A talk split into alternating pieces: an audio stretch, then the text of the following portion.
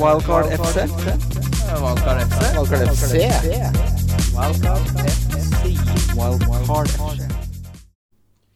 Hei, hei, og hjertelig velkommen til Wildcard FC, presentert av NordicBet. Mitt navn er Christian Wessel, og jeg sitter her med mannen som siden det ble sendt på TV i går, har sett debatten med Chartersvein og Lotepus 13 ganger. Kimmegutt mipp. Ja, det er jo deilig. Det er sånn som eh, var det det snakka om, at sånne som ikke vanligvis ser på debatten, skulle endelig liksom få sett litt på det og lært litt. Jeg lærte masse i går, jeg. Ikke sant? Når det er midt i beste sendetid på lineær, så må du ha med deg rasket i samfunnet også. Og det klarte de jo. Ja, jeg syns, eh, jeg syns det funka veldig bra. Kanskje vi skal ha det mer? Bare ha sånn rød Kanskje vi skal begynne å invitere to idioter som ikke aner hva de snakker om her også, bortsett fra oss to? Ja, sånn hvis, for å nå ut til den bredere grupperingen med mennesker her i verden. Sånn at flere begynner å spille fancy? Ja, sånn at bare sånn, ja. Få inn to som ikke kan en dritt, som bare gjetter og snakker om uh, Der blir det trippelbom. Ja, ja, det, Det er det som er, det er, det som er taktikken. Vi får inn to som ikke kan en dritt om det vi snakker om, for å appellere til folk, og så kan de stå der og bare Syklus og hva med Det er jo en fantastisk smart måte å gjøre det på. ja, da er vi fire stykker her som ikke kan en dritt. Ja, det er helt riktig. Med oss har vi breddeoraklet Jørgen Kjernås. Vi skal ta for oss Eliteserien Fantasy. Vi står overfor en helt ny sesong. Eh, Det blir jo en spesiell sesong, dette her, Jørgen. Det blir en veldig, Jeg tenkte du sa du skulle invitere to som ikke hadde peiling. Det, det holdt med én i dag. Så, eller er det, er, du er en av de start litt av de små. Start litt i det små. I, i, altså, I denne situasjonen så er du Nakstad, og, og jeg er uh, Lotepus, og Kim er Chartersveien. Ja, for jeg skal Ja. rasle litt med sabelen. Ja. Men det er klart, som, som Nakstad så kan man jo sitte og kunne fantasy og delvis fotball i teorien, da, men så gjør man ting likevel som ikke er like veloverveid og begrunnet i empirien, da. Det, sånn vil det jo Det være over syns jeg er din, din rett som jeg. menneske.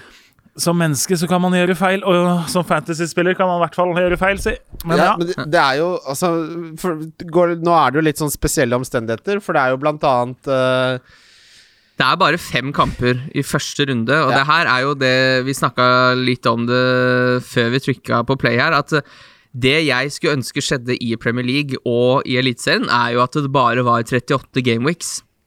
ja. Istedenfor dette dobbel og blank og det kjøret der. At, eh, men her, altså da fra første stund, så starter vi med en blank. hummer og kanari fra dag én. Ja, Ja. fra første stund. Det var var jo altså. sånn i Premier League, så var det jo var ikke Manchester City Jo. og Manchester United som hadde blank i første, eller var det to jo. første? Eh, det I hvert fall én. Ja. Eh, Så det var litt sånn ok, skal du starte med de, eller ikke sant? Skal, kan du ha én på benken, to på benken, hva gjør du med de?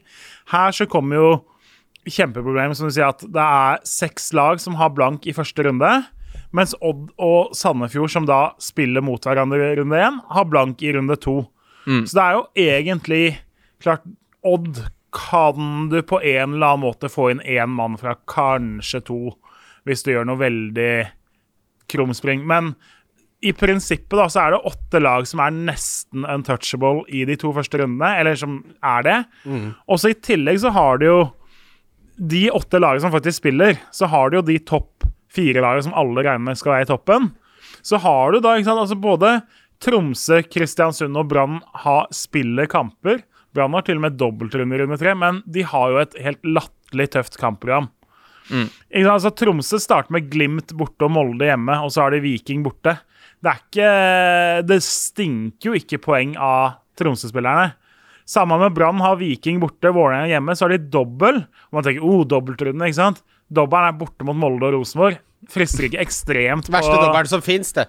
Ja, Og så har du da Bodø-Glimt i neste runde. Fy fader. Så liksom Men det, gjør ikke det sesongen litt sånn kjedelig? Er det ikke litt vanskelig å liksom finne de, de, de lure spillerne, da? De der eh, små juvelene som, fra første- starten? Min første tanke når, når jeg hører du fortelle det du gjør nå, Jørgen, er jo at man spiller Altså Det er akkurat som du får tilgang til halve spillet. Fordi Ja. halvparten av laga kan du ikke velge spillere fra.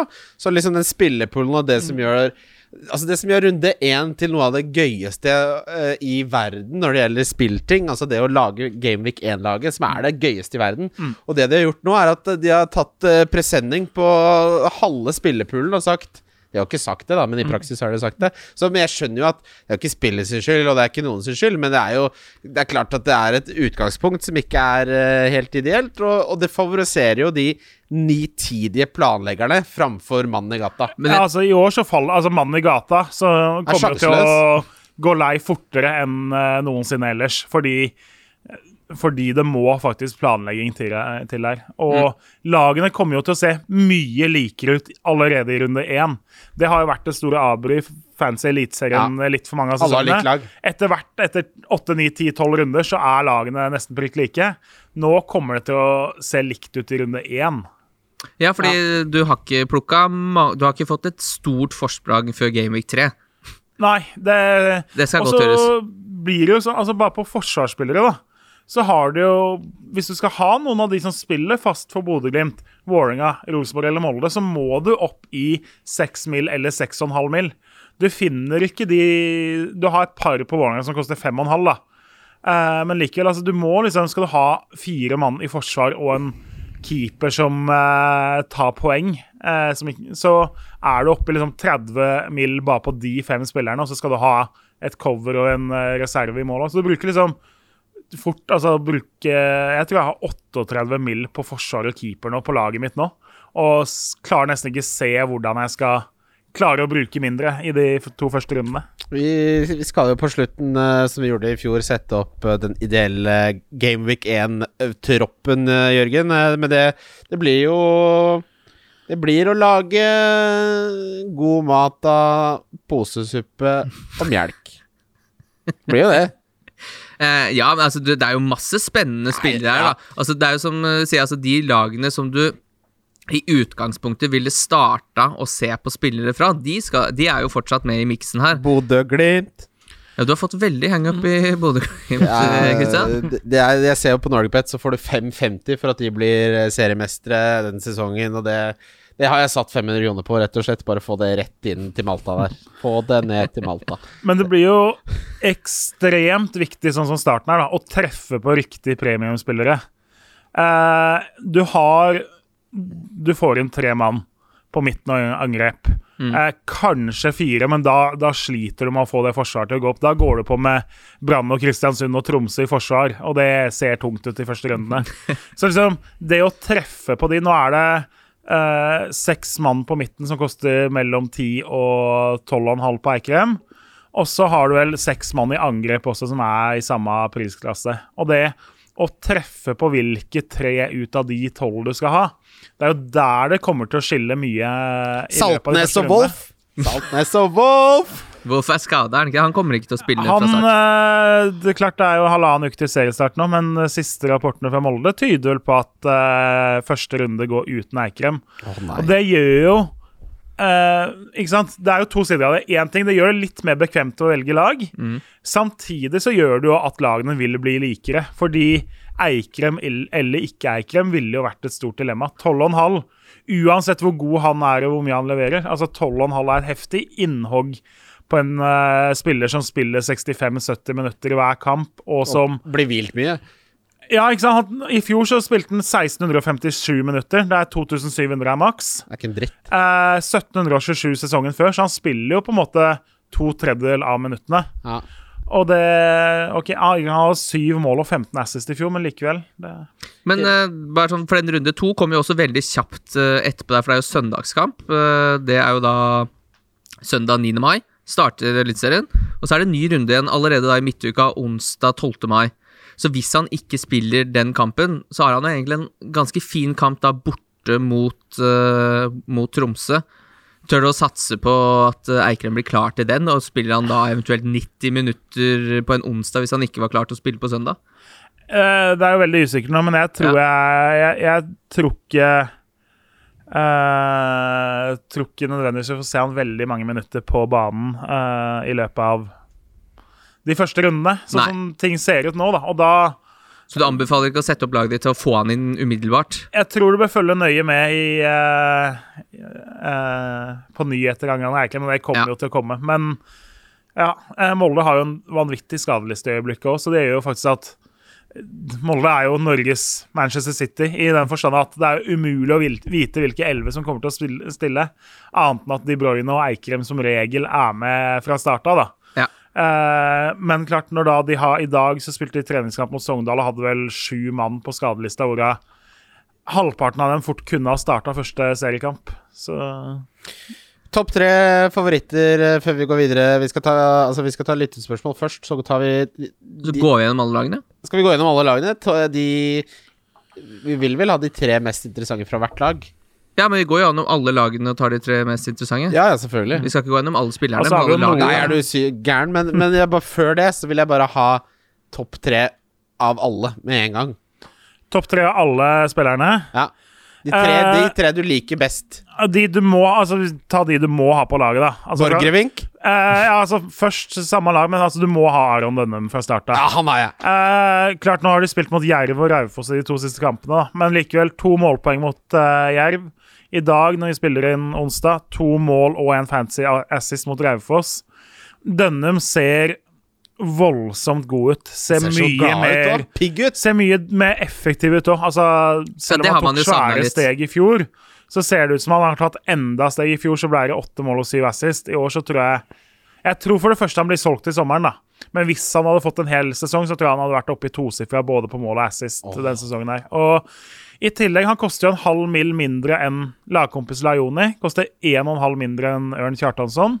Ser litt bedre ut enn begge. Tar straffene, ikke minst. Så jeg mener at Dønnum er nummer én akkurat nå. Den ene du ikke klarer å få ut av laget ditt før første rundene.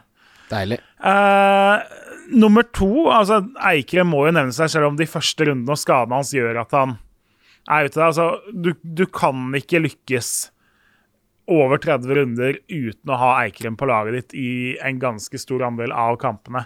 Selv om igjen han spiller 65-70 minutter. 70 minutter med Eikrem er mye bedre enn 90 minutter med Altså, jeg vil heller ha 70 minutter med Wolf Eikrem enn 90 minutter med Ola Solbakken, eh, for eksempel, da. Og så er problemet at når han spiller, så er den effektive eierandelen hans skyhøy. Ja. Fordi da capper Gud og være med han. Så hvis du skal gå imot det hele tiden, så er det jo fryktelig skummelt.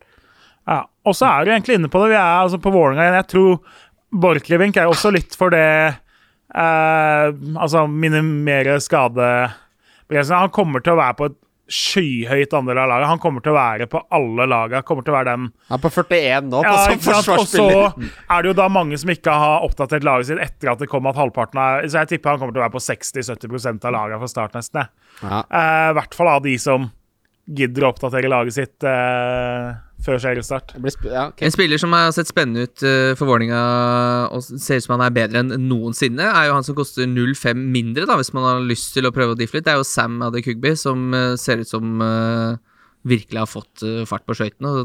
Hva var det uh, Fagmo sa jeg kommer til å elske deg den sesongen her. Den eh, lille reality-serien VG Vålerenga har uh, gående der. Vålerenga har fått det. Vålerenga har fått. Han har vært veldig dårlig til å legge inn, det har vært en av de store problemene til Sam. Men det ser ut som han kanskje har finpussa litt på det, og da er han eh, Er det Vålerenga som er liksom stalltipset for å overraske litt? Det har jo Altså, Fagermo har fått til mye her, og det har vært litt av en sånn Men de kommer til å, hvis de skal overraske, så må de gjøre det dårlig. For nå, Vålerenga snakkes jo veldig opp Ja. før den sesongen her. Det er jo noe den Oslo-klubben ikke tåler for fem flate. Så hvis de greier å holde seg oppe i år, så tror jeg det, kan være, tror jeg det er ganske bra.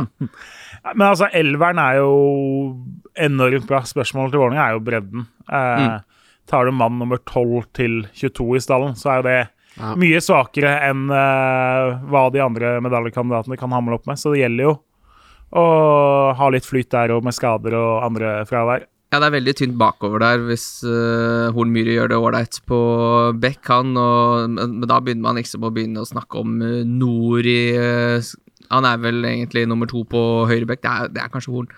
Men eh, ja, det er ikke Det er litt tynt bakover. Det er det. Men eh, ja, jeg, som sagt, Dønnem og Borchgrevink kommer til å være på alle lag.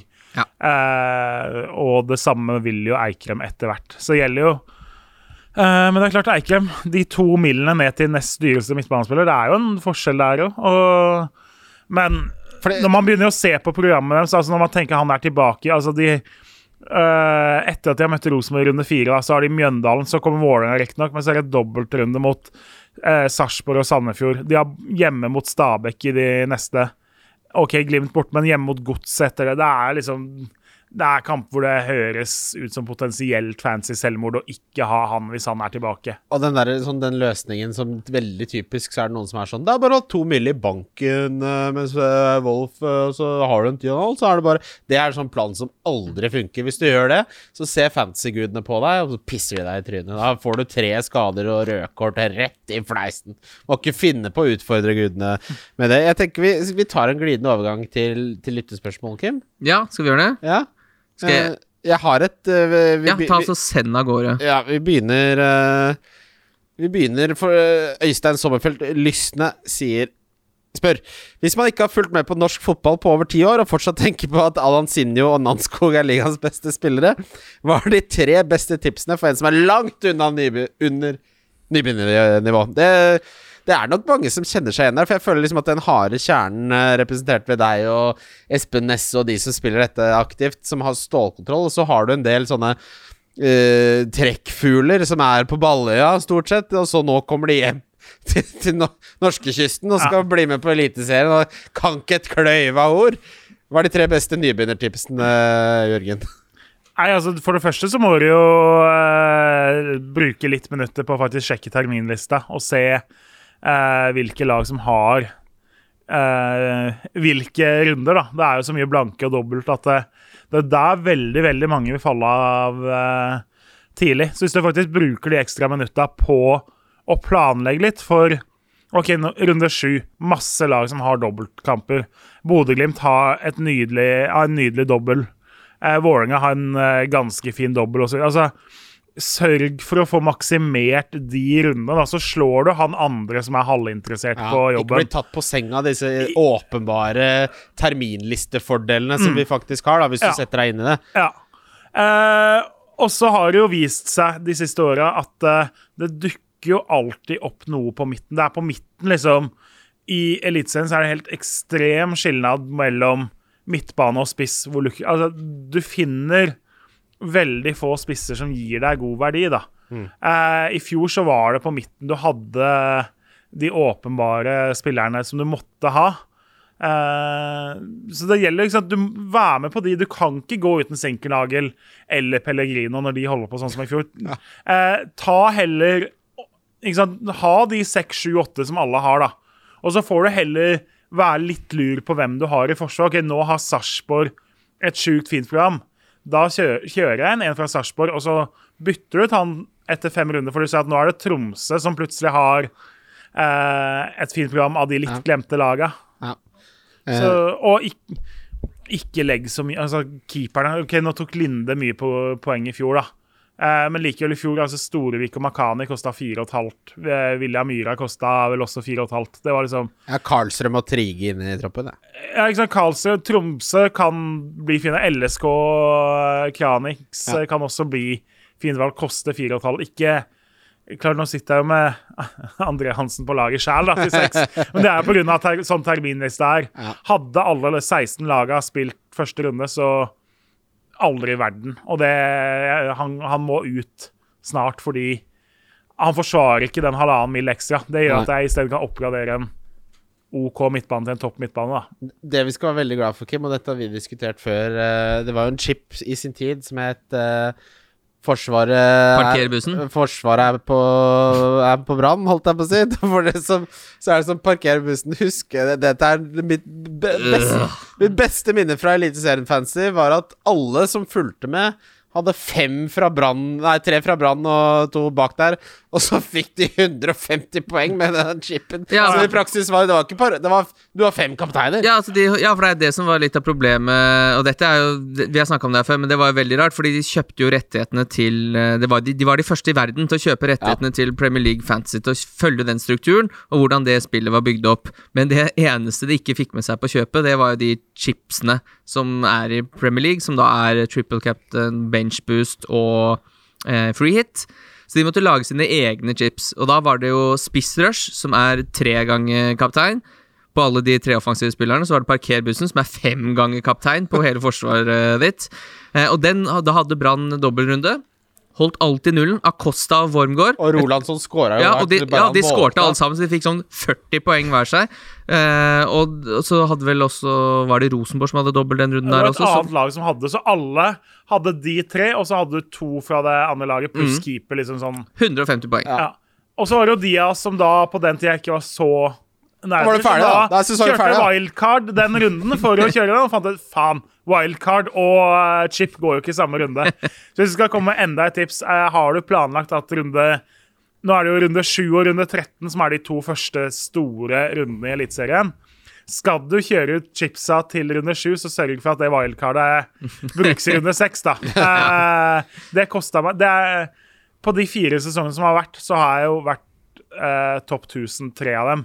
Den med Brann så Mm. var jo ikke det, fordi jeg tapte 75 poeng til alle andre. Ja, jeg liksom. gjorde det. Jeg, jeg, jeg, klarte det- aldri å hente det inn Ja, nei, så jeg blei 3000 eller noe til slutt. Og det var den feilen som kosta meg topp 1000 da. Ja, for det var ganske tidlig i sesongen òg, så det var jo sånn Game Week fire eller fem eller ja, ja, seks, Fem, ja, mellom fire og seks. Og da husker jeg liksom Vanligvis er det jo én eller to som stikker av i en liga, så skal man eh, jage de, men da var, det, da var det ti stykker i ligaen som bare forsvant med Da var 100 poeng, og da var jeg bare Løpet var kjørt. Ja, Sesongen var ferdig. Mm. Ja, skal vi se. Ja. ja, nei, Men det- hva er chipsene i uh, Litzen Fancy nå? ja, For nå er, de, er det, nå er det bare to?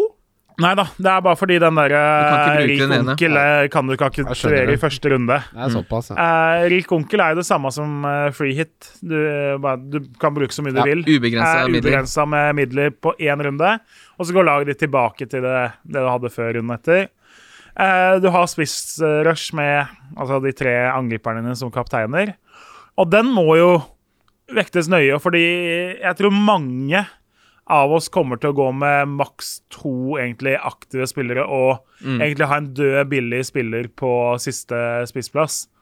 Så det kreves litt planlegging for å få brukt den Den er chipen på en god nesten måte. som benchboosten i Premier League, den. Ja, den kommer til å, altså den spissrush kommer til å ligge ubrukt en stund hos meg, ser jeg for meg.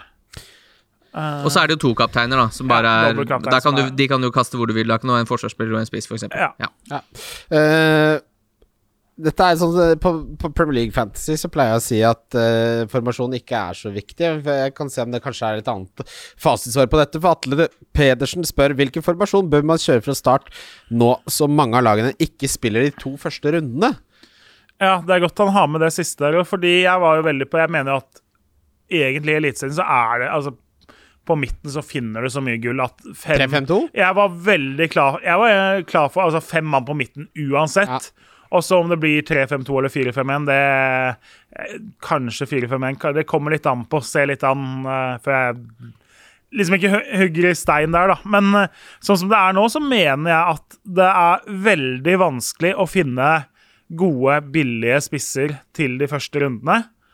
Eh, og de som er dyre, frister mye mindre enn midtbanespillerne som er dyre. Så jeg, har, jeg står mellom 4-5-1 og 5-4-1 egentlig i de to første rundene.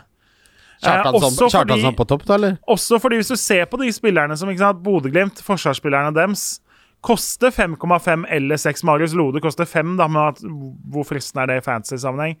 Molde, alle koster over 5,5. Vålerenga, alle koster over 5,5. Rosenborg, alle koster over 6 mil, ikke sant? Eh, hvis du skal gå billigere på Forsvaret, så må du gå Tromsø, eller Nei, Tromsø, Kristiansund eller Brann. Og det frister særdeles lite. Men det kampprogrammet i starten, så er det og, ja. og da er jeg litt sånn, ok, hva frister meg med Fredrik Bjørkan koster seks mil. Eh, Erlend Dahl Reitan koster seks mil. De frister vanvittig mye mer enn alle spisser som er i nærheten av den Selkin prisklassen, og ikke sant? Selkin og Shita, Jørgen? Selv Kinoshita, som eh, noen kanskje nevnte jeg hadde tro på i fjor. Men eh, ikke sant? Du, finner, du, ok, du har Sivert Gussiås, også, men han er i tillegg skadd nå, da. Så altså Nei, fra start av kommer jeg til å kjøre veldig eh, fra dypet. Så eh, minst fire bak, kanskje fem. Eh, kjører du i verste fall 4-4-2. Det er det mest framoverlente som er på radaren. Det høres ut som det er verdi 5-4-1 her, da. For når forsvarsspillerne når, Altså, en ting er Man er jo vant til å tenke at 6 millioner er mye for en forsvarsspiller, og det er det jo, men hvis du snur på det og sammenligner med spissene som koster det samme, og så ser du det er akkurat som når du sammenligner Trent som koster 7 med mm, Ja, hva er et godt eksempel fra Premier League, da?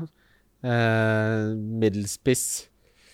Til sju? Si Neil Maupin da, til seks. Altså, du, hvis vi gjør det Si, si Ruben Diaz mot Neil Maupin, vi sier det på den måten. Eh, da er det litt enklere å se verdien, spesielt når eh, det er ikke så lett å få laget til å gå opp eh, når du skal ha med en, en spiss, virker det som denne sesongen. Så jeg har for å minimere risikoen og være mest mulig safe i starten eh, Jeg jeg skal ha én forsvarsspiller fra Glimt, Molde, Rosenborg og Vålerenga, som er de fire topplagene og som spiller de to første rundene. Eh, og så blir det keeper fra ett av lagene. Sannsynligvis for meg og André Hansen fordi de har dobbeltrunde i runde tre. Eh, men åpen for å vurdere Claesson fra Vålerenga isteden. Men eh, eh, der, Eller Glimt, fordi der har de litt skade, så kanskje spare en mill hvis du kan kjøre inn Glimt. Men altså, for meg så blir det sånn da, at det blir minst én fra hvert lag, og så blir det keeperen i tillegg, og så kanskje femtemann også eh, blir fra ett av lagene. Sånn at jeg kjører dobbel fra to topplag og enkel fra eh, de to andre, da. Ja. Eh, Petter Smedsrud spør topp tre offensive spillere til under sju millioner, og hva tenker dere om Christensen? Uh, Christensen er litt skummel fancy-messig, både fordi jeg tror i en uh, toppa Vålerenga-elver, så tror jeg han fort er mann nummer tolv. Eh, jeg tror både Sarawi og Bjørdal og i hvert fall Ajoni og Denne, Ja. og også Oldrup Jensen, er foran i køen.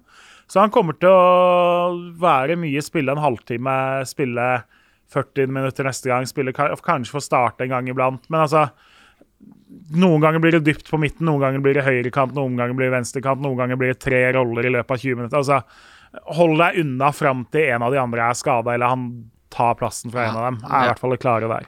Han er jo, altså Når Sarawi forsvinner, så De har jo sikra seg litt der. Jeg tror han, det kommer til å forsvinne ganske Jeg tror det kommer til å forsvinne både én og to spillere fra det Vålerenga-laget i sommer, og da er jo Tobias Christensen en kjempesignering, tror jeg.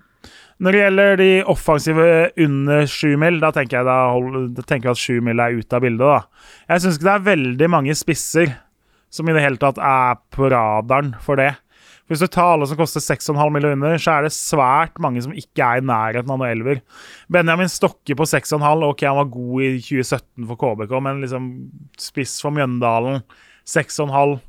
Igjen, vil du ha Benjamin Stokke eller vil du ha Fre- Fredrik Bjørkan som er en halv mil billigere, eller Borchgrevink som er en halv mil billigere? Ganske enkelt regnestykke.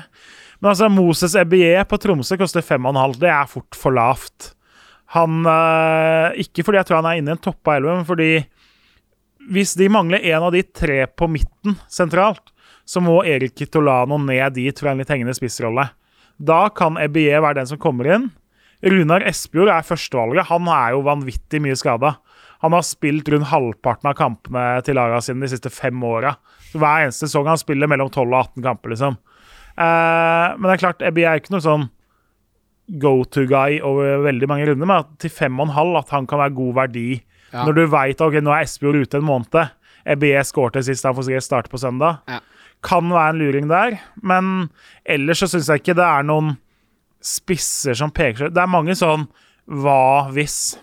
Hva hvis Bamba blir solgt eller oppfører seg helt tåpelig eller er helt elendig? Da kan jo Aune Heggebø til seks bli OK, men det er jo ikke noe å vurdere nå. Men på midten så er det en del. Samuel Fridjonsson på Viking er det mest åpenbare, kanskje. Den minst skjulte Han er diamanten. ene, seks og en halv, rett inn. Eh, holdt vel på å koste en mill billigere før man skjønte at eh, han skal spille offensivt, ikke dypt på midten. Spille den hengende rollen i 4-2-3-1. Litt skummel fordi Fredrik Torsteinbø også er en jevngod kandidat og kan ta fra han ganske mange minutter. da. Eh, men jeg tror Fridjonsson kommer til å starte første matcha. Skårte nå i forrige kamp mot eh, Start og skårte mot Åsane også, så liksom Han peker seg ut som det tryggeste eh, ja, hva skal man, Ikke gærne valg, men liksom litt sånn eh, Som de som ikke følger med. Ja. Ikke? Hvis du følger med sånn halvveis, så tenker du ok, han har vært inn og ut på laget i Vålerenga og Viking på def mitt. Eh, han skal jeg i hvert fall ikke ha, men hvis du følger med litt, så har du fått med deg hva han driver med. Eh, Vegard Leikvoll Moberg har jo spilt spiss for Bodø-Glimt nå de siste treningskampene fordi Erik Botheim har vært skada. Seks og en halv og midtbanespillere i spillet, det gjør jo at eh, han må vurderes, men det er jo kortvarig glede i så fall, da. Ja. Eh, han kommer jo uh, Botheim har brukket fingeren og eh, litt sånn, så han, han er jo tilbake om et par uker. Men det er klart, hvis du Har du planer om å fyre av wildcardet ditt i runde tre, så tenker jeg at Moberg i hvert fall er en mann du vil ha inne hvis det ser ut som Botheim ikke er startklar. Ja. Eh, men sånn på litt lengre sikt eh, Fra Sarpsborg, Anton Saletros var jo en hit i fjor til fem mil, selv om han ikke leverte. Nå koster han seks og en halv. Ser ut som han skal spille mest offensiv eh, midt i enten 4-2-3-1 eller 3-4-1-2. Så liksom, han kommer mye høyere opp i banen, uh, mye tidligere i spillet. Har mye assist i seg. For, han tar alt av dødballer, stort sett, og Sarpsborg har ganske dødballtungt lag.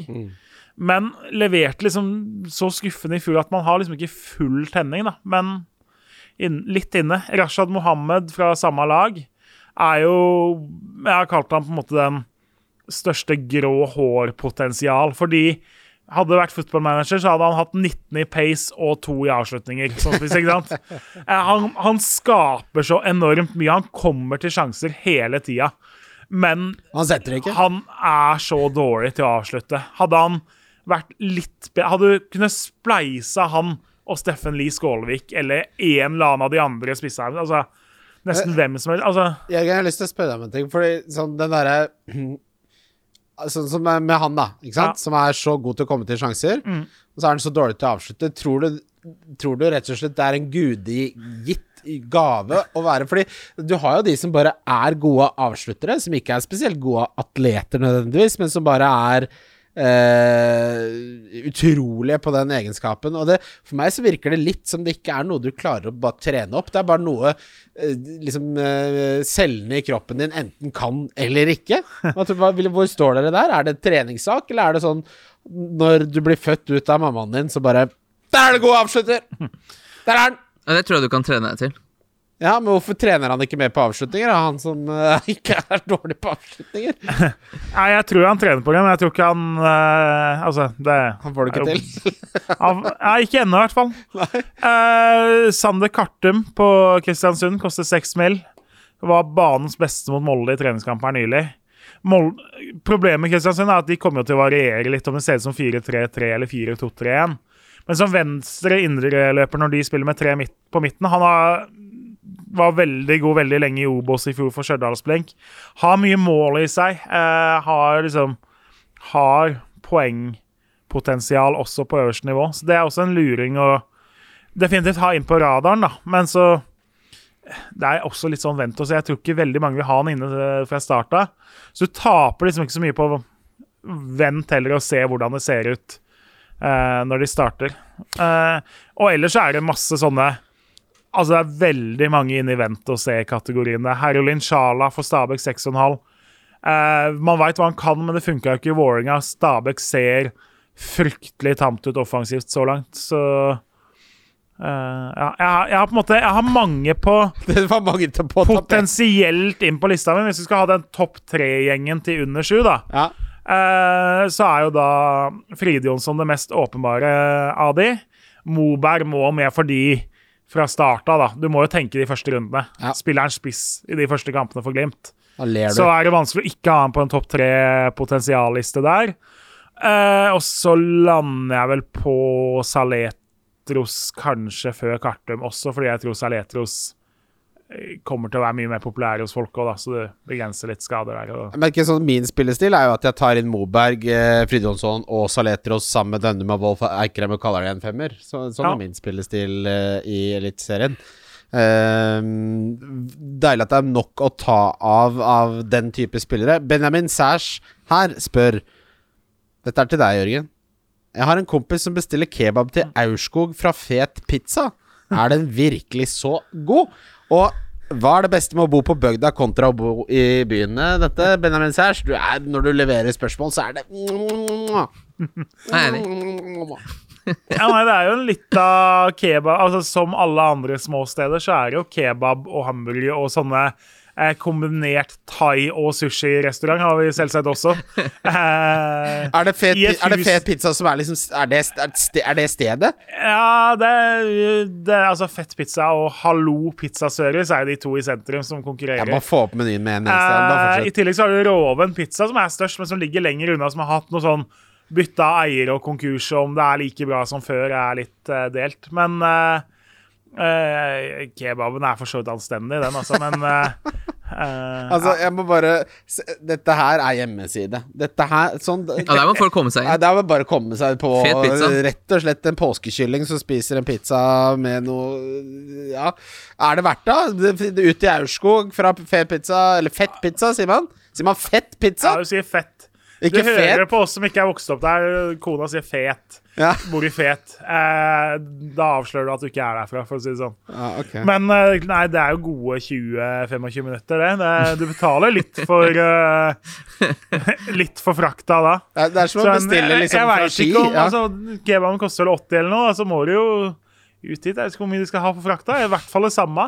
Begynner å bli usikker på om det det som er er verdi per krone. Det som er gøy med dette her, er sånn alle steder velger seg ut en sjappe som er sånn Du må, du må på onkel, onkel Frankie. Så er det bare sånn Er det noe bra? Så bare, nei, alle bare kollektivt bestemt seg for at det er bra. På, når du skal til fett, så drar du på fett pizza. Og sånn er det. Og så er det sånn Når jeg ser på menyen, så ser det ut som det er helt likt som alle andre sånne sjapper i hele Norge. Ja, for bunnen er jo som regel sendt ut av stabburet, så den, Det den er er jo helt lik. Canada, dette er alt sammen. Ja, det er Du klarer ikke å liksom eh, blindteste deg fram til hvem som er den lokale, og hvem som er lagd i nabobygda, nei. Det Og så har de er gjerne en sånn gimmick, sånn uh, cowboyburgeren, som er én kilo kjøtt. som bare koster Skal han komme og purke? Men OK, så det, vi legger den litt til side. Hva er det beste å bo på bygda kontra å bo i byen? Jeg kan jo, det beste med å bo på bygda, spør du meg, er jo å slippe Slippe alt maset, åpenbart. Det går litt, går litt roligere for seg. Ja. Bedre natur, bedre utsikt, bedre nærområde. Kan ha bikkje som har det mye bedre, sånne ting. Jeg vet ikke hva du tenker, Jørgen. Ja, det er helt enig. Nei, jeg, jeg har ikke Jeg har reflektert dårlig over det, egentlig. For oss er jeg holdt på å si, flere, flere kvadratmeter til færre kroner Ja. eh, når du skal kjøpe hus, da. Enklere livsstil. Du Ja. trenger ikke å jobbe så jævlig mye. Du kan ha lavere utgifter. Kim? ved å bo på bygda. Ja. Uh, jeg, jeg ville ikke bodd noe annet sted enn på Lunderud, med liksom eh, familien nær nære og sånn. Ja, ja. Utover det så ville jeg ikke bodd på bygda i noe særlig grad, tror jeg. Nei, men jeg, Man blir liksom godt vant uh, med tilbud og sånn av å bo i byen. Ja, det er sant. Det er sant. Men jeg liker det også det der å kunne pusle litt. Så jeg kunne godt tenke meg å ha liksom en hageflekk og noe, noe å surre med på ja, sommeren. tenk deg å ha liksom en sånn at du kan spille Gå litt med høy kantklipper. spille, ja, spille litt høy musikk, og hvis du vil ha sånn Nå er det Star Wars-fest! Og så kommer alle dit. Jeg tror kanskje det er en teori om at det er derfor folk er litt sånn harry på bygda. At de får lov til det. De får utfolde seg De får utfolde seg helt fritt. Ja, ja, ja. Det, kan Du kan det, spille høy musikk. Kan ikke det på en toroms på Torshov. Nei. Utfolder deg for der, får du grisedeng. ok, uh, jeg tenker det er nok for lyttespørsmål. Jeg må ta noen fra Instagram. Å ja, du har noen der? Ja da, vi har vært på arbeid. Eh, Fredrik Sandli, jeg bare åpner det, ja. Strategi rundt antall premiums synes det er mye usikkerhet blant eh, andre i midtre prissjiktet. Noe som gjør det lett å havne utpå med Wolf, Saltnes, Dønnum og Islamovic. Jeg vet ikke hva du har tenkt der. Har du sett deg ut noe antall premiums du skal ha? Uh, jeg har prøvd så vidt å leike meg fram til det som jeg vil ha liksom, etter de to-tre første rundene, da. Mm. Uh, og da Det kommer jo veldig an på sånn Altså, da trenger du at Fridjonsson leverer. Du trenger uh, fins, Det fins forsvarsspillere til fire og en halv som du kan plukke en del av. Eh, og så har du sånn OK, Fossnes Hansen i Godset koster fire mil. Kommer kanskje til å spille fast stopper, men igjen, hvor ofte holder Godset nullen, da? Eh, Frank Stople sto første treningskamp for Haugesund. Koster 4,0 mil som keeper, ikke sant?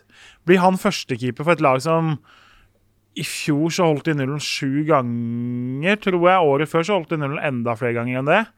Eh, de, de slapp inn mye i fjor, da, men året før så var det et av de tetteste forsvarene i Eliteserien. Så liksom uh, Heter han så- Stopple? Han heter Stople. Skuddstopler?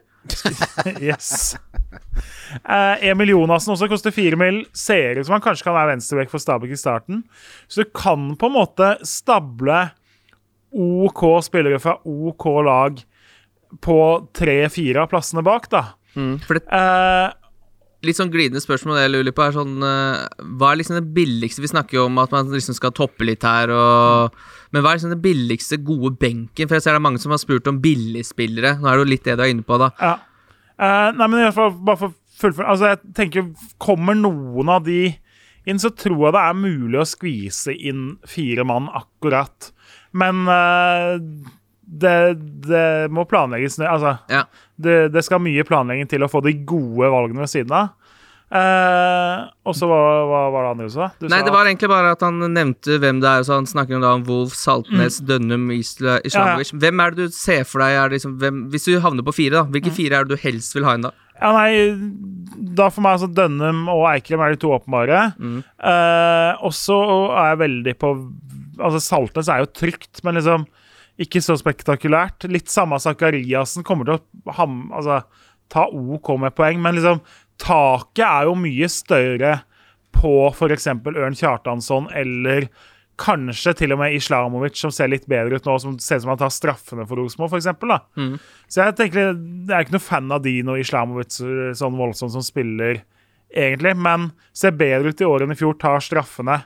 Det er litt tynnere på spissplass. Jeg tror han kanskje kan bli min nummer tre.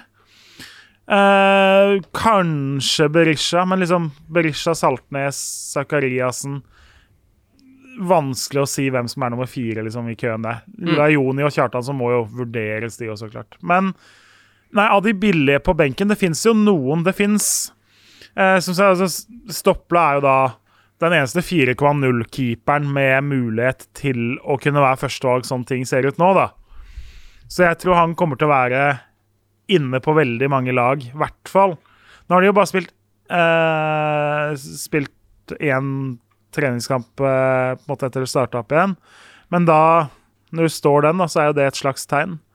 Forsvarsrekka, som sagt, så er det litt flere av de potensielt billigere, i tillegg til Jonassen og eh, eh, Fossnes Hansen. Så eh, Eskil Ed i LSK er nummer to på backplass nå, ba, men har gjort det ganske bra i oppstillinga. Kan fort være inne på høyrebekken der eh, etter hvert. Selger Tromsø Simen Wangberg nå, så har de fire stopper igjen til tre plasser. Kasper Øyvand er nummer fire i rekka, men sant, nummer fire til tre plasser. da. Det skal én skade til, så er han inne og spiller fem kamper. Eh, Andreas Nyhagen, også godset. Du kan jo ikke kjøre dobbel godset, men kan være i hvert fall andrevalg på høyre venstrebekken, kanskje. Så det er noen potensielt. På midten så er det mange. Det, da må det jo 4,5 er det billigste. Men eh, jeg har landa der på at eh, Andreas Hopmark på Kristiansund er det beste valget. Kan hende han er mannen på straffer, som jo automatisk gjør han interessant.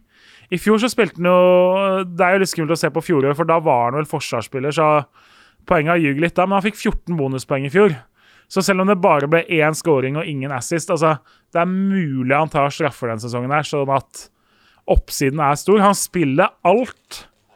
Eh, kommer til å være på laget uansett. I fjor så spilte han 2400 minutter, altså eh, åtte niendedeler av sesongen. Bare Så- lynkjapt ta det ja. også. Ta oss gjennom bonussystemet i uh, Eliteserien Fancy, for det er jo ikke sånn som i Premier League, hvor det henter stats fra opp, da. Nei, det går på trynefaktor. Eh, kommentatoren i, på hver eneste match, eller noen ganger en annen som sitter ved siden av, sitter og da deler ut 3, 2 og 1 poeng til de tre spillerne kommentatoren føler har utmerka Så seg ofte mest. så glemmer de det. Det er det morsomste. Eh, Kommentatoren og- glemte å sende det inn. Ja, og veldig ofte så ser man jo at det er ekstrem trynefaktor på det.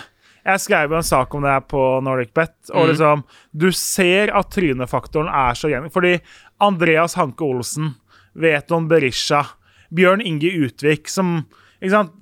Utvik har, er en kriger, han har hjelm på huet, så du ser hvem han er på banen, selv om du sitter 1000 meter unna. For han spiller med en blå hjelm.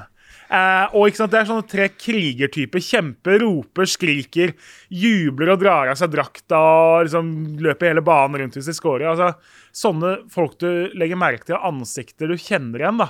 Charlie Adam i Blackpool-dagene. Ja, og du ser at vinner Stabæk og holder nullen, så fikk Hanke Olsen tre eller to bonuspoeng.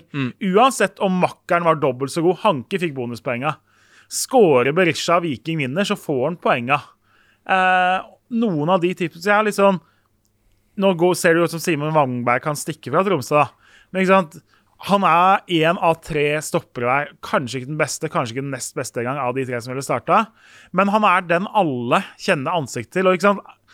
har du jobb med å kommentere Sandefjord sine kamper, så veit du ikke hvordan Jostein Gundersen eller Anders Jensen ser ut. Anders Jensen kunne gått opp og ned Karl Johan i en uke uten å bli kjent igjen, ikke sant? Eh, men Simen Wangberg har et kjent ansikt og er liksom, har kapteinspinnet, så hvis de tre spiller jevnbra, så kommer han til å få de tre bonuspoengene hvis de vinner 2-0 i Sandefjord. da. Mens de to andre kanskje har vært litt bedre, får null poeng. Ja, for det er helt tydelig usual uh, suspects her. Mm. Men det er jo da et litt godt argument for at Hopmark kan få bonus også den sesongen, her da, selv om han bytter posisjon. Absolutt. Så øh, det kommer han til gode. Definitivt. Mye motsetning til ikke sant? Eh, Premier League hvor det gjelder å holde nullen for forsvarsspillerne. Da er du inne på bonus. Ja, der er det klareringer og ja. dueller og sånn, men det har jo ikke noe å si her, for det er jo bare nei, han som sitter og ser på Ja, akkurat som det var i gamle dager i Premier League, da. Man in the stand. Ja. Ja.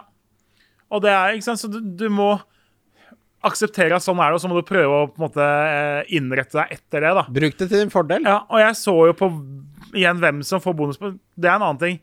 Keeperne får helt latterlig lite bonuspoeng i Eliteserien. Nesten aldri. Du skal ha redda straffe og vært oppe og nikka en corner. Da får du kanskje et bonuspoeng.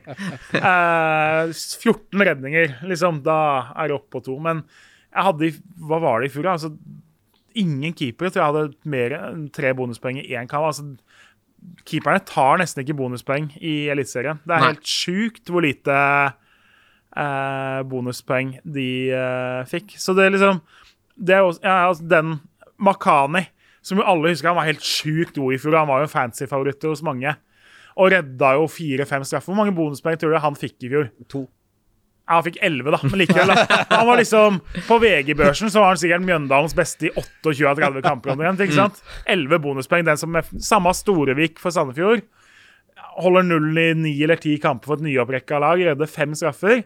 Eh, 11 bonuspoeng. Ja. Ikke sant? Det, og det er de to som topper, da. Så eh, Bare lynkjapt ta det også, siden vi var innom han Stopple som koster 4-0, eller altså 4 blank. Uh, han spiller på Haugesund, og der skal du antageligvis ikke ha tre spillere på kanskje noe tidspunkt, så det er veldig ufarlig å gå med han. Men det er veldig fort gjort at man bare drar inn hvem som helst av de fire keeperne, og så drar du kanskje med deg Andersen da fra Bodø-Glimt, og så har du brukt bort en plass på Bodø-Glimt ja. fordi du har tatt med deg en eh, reservekeeper som ikke skal spille uansett. Så vær litt obs på det. Ja, ikke jeg klarte jo kuke til det på godt norsk i- med, med Aston Villa her, i, da de jo plutselig var veldig fine i starten av sesongen. Og så skal jeg ha inn Martinez i mål, og jeg skal ha Grealish og jeg skal ha Watkins der en periode. Og så oppdager jeg faen, jeg har han der Stair, eller hva han heter, på Ja, benken som reservekeeper, så den kabalen går ikke opp. Fordi da har jeg ikke nok Jeg skal jo bytte ut førstekeeperen min med Martinez, men da jeg kunne ikke bytte reservekeeperen, da har jeg ikke nok, liksom. Så det, klart det var ikke helt lett før sesongstart å se for deg at eh, du skulle få et Aston Villa-problem, men liksom Men jeg tror ikke det skjer med Haugesund. Altså Ta en sjanse på Hans Dopple virker som en veldig god Når du uansett ikke får noe billigere alternativ. Ja. Jeg tror jo ikke han blir førstekeeper, men han har jo i hvert fall en del prosent sjanse til å bli det, mens de andre er avhengig av en skade for å få lov til å stå. Ja, deilig å ha Hansen og Stopple inn i troppen der. Ja, ikke sant? Da har du kanskje to, og så på et tidspunkt kan du pælme ut I verste fall så får du har, har en 4-0-keeper som ikke spiller, og i beste fall så har du et Ja, alternativ. det er liksom. oppside. Det er, oppside. akkurat som med. Forster i Premier League. Eh, vi skal gå gjennom alle lag sine tre mest aktuelle spillere, og så skal vi sette opp eh, det perfekte Game Week 1-laget etter pausen. Wildcard FC. Wildcard FC. Yes, da skal vi ta gjennomgangen av de 16 ligaene Eliteserien eh, består av. Alfabetisk rekkefølge. Vi skal ha topp tre fantasy-spillere fra hver klubb. Vi begynner med eh, Nord-Europas beste fotballag, eh, Bodø-Glimt. Hvem er det som er igjen der oppe nå? Nei, altså Det er jo akkurat samme åtte på en måte bakerst på banen. Det er jo bare det at de tre fremste er skifta ut siden forrige sesong. Og det er jo ikke noe bare det, fordi eh, det er tross alt eh, tre spillere som vel rundt 60 mål til sammen og hadde noe helt sjuke fantasy-tall.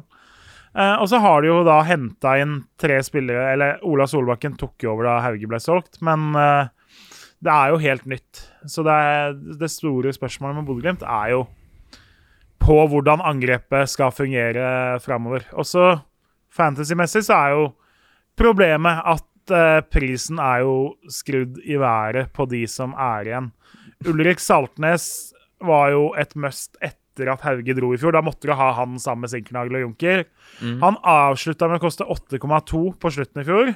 Nå koster han 10,5 fra start. Eh, likevel, altså, det er jo Fikk 196 poeng i fjor, da. ja, Med litt bedre spillere altså, foran seg. 30 målpoeng. Det Mm. er ganske vanvittig. Så det, han skal jo slite ekstremt med å leve opp til men likevel, altså, det var 12 målpoeng sesongen før, da de tok sølv. Han, eh, han er jo en spiller som bør ligge mellom 15 og 20 målpoeng i fantasy, i hvert fall denne sesongen, mener jeg. Og, men det blir jo måla han opp mot de andre som koster over 10 mill. på midten. Eh, Bodø-Glimt ser jo ikke like god ut offensivt, men jeg mener jo at i stedet for å gå på Ola Solbakken, som koster en halv mille mindre, eller å gå på Sebastian Sørli, som koster én mille mindre, så er Saltnes et mye tryggere valg, da. Men eh, så eneste Nå er det klart, nå tok Sørli straffe sist, men så sa Kjetil Knutsen at det kommer vi til å rullere litt på. Han trengte å få skåra sitt første mål i Glimt.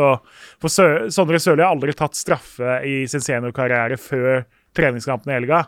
Så hvis man fikk håp om at han Altså Hadde Kjetil Knutsen gått ut og sagt at Sørli er vår nummer én-mann på straffer Glimt fikk 15 straffer i fjor, så da sier det seg selv at uh, Sørli hadde vært et bedre valg.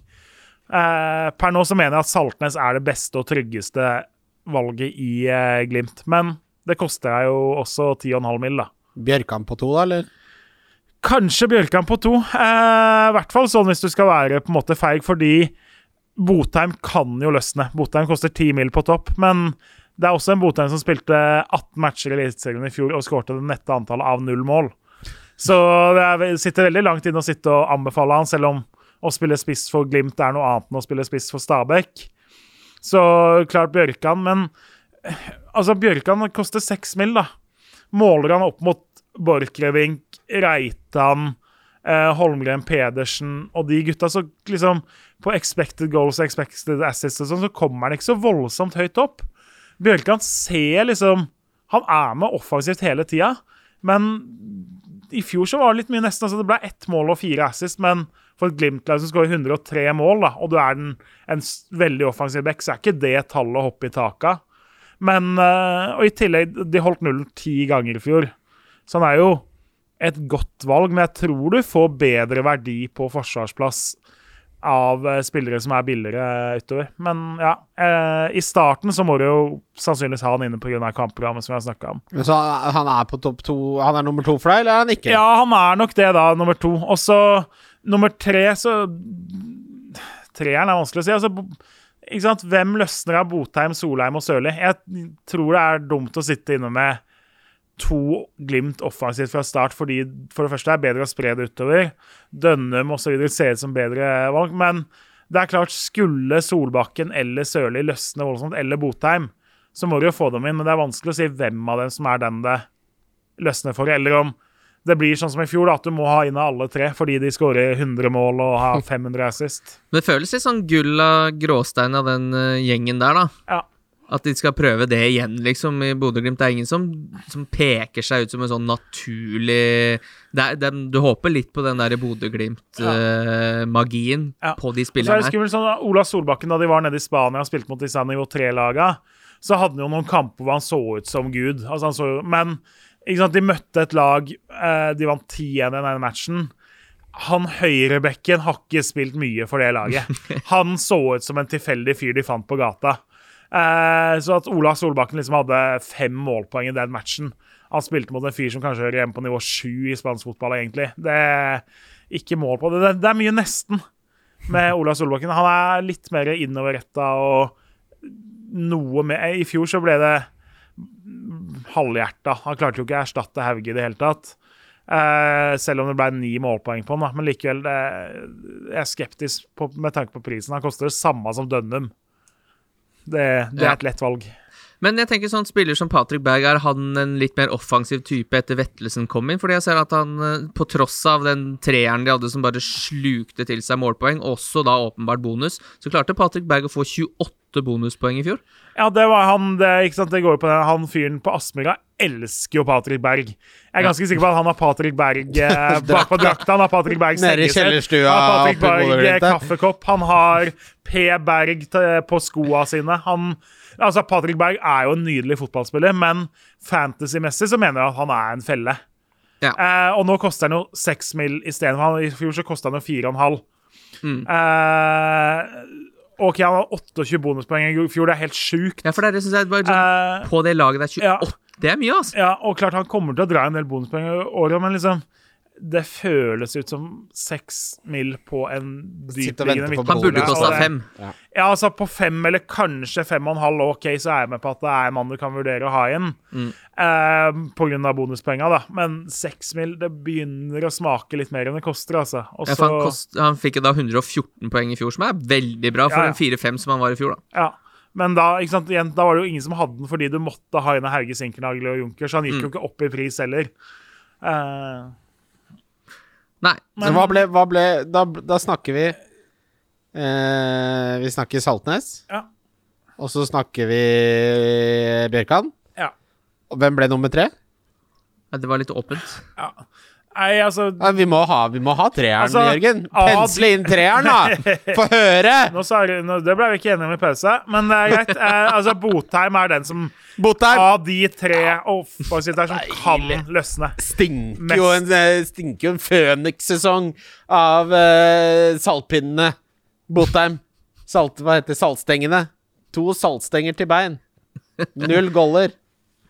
Deilig. Ja, altså Junker kom ikke inn med noen sånn voldsomme tall. Han, Nei, altså, det er, det er noe i vannet oppi i Bodø der. Oppi blodet. Eh, Det beste er at jeg kaller alltid Bodø, byen Bodø for Bodø-Glimt.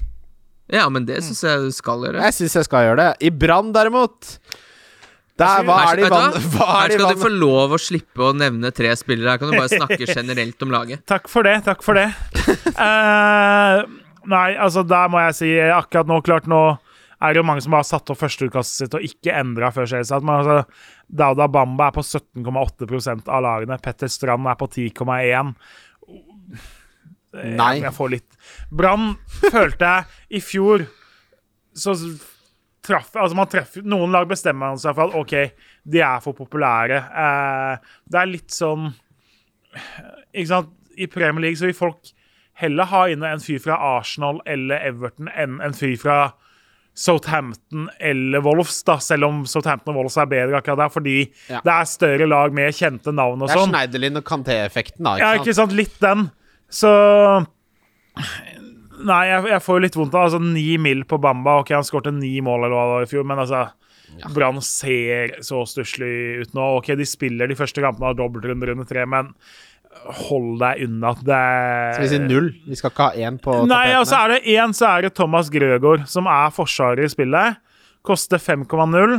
Uh, har spilt både indreløper i 4-3-3 og venstrekant i 4-2-3-1 nå i siste treningskampene. Ser ganske solid ut. Var fast på venstrebekk, riktignok, under høsten, men David Wolfe skal ha venstrebekken nå, så Grøgaard kan fort bli fast på midt eller på kant. Og er, er jo ikke noe sånn det er litt mer Gilly Rolandsson enn noe annet, da, for sammenlignet med en tidligere. Men at han kan bli litt årets Gilly Rolandsson, det er ikke umulig. Så Det er veldig spennende. eh, for å si det sånn jeg Hadde ikke Brann vært ett av åtte lag som spilte i to første runde, så hadde jeg ikke vurdert en Brann-spiller engang. Nå er i hvert fall Thomas Grøgaard et sted på kartet for meg. Og så er Robert Taylor til 7,5. halv. Er Brann litt bedre enn jeg og mange andre tror, så kan det hende Taylor er OK der. Han avslutta jo i fjor. Spilte hengende spiss i de siste kampene. Hadde da fem-seks målpoeng på de siste sju rundene.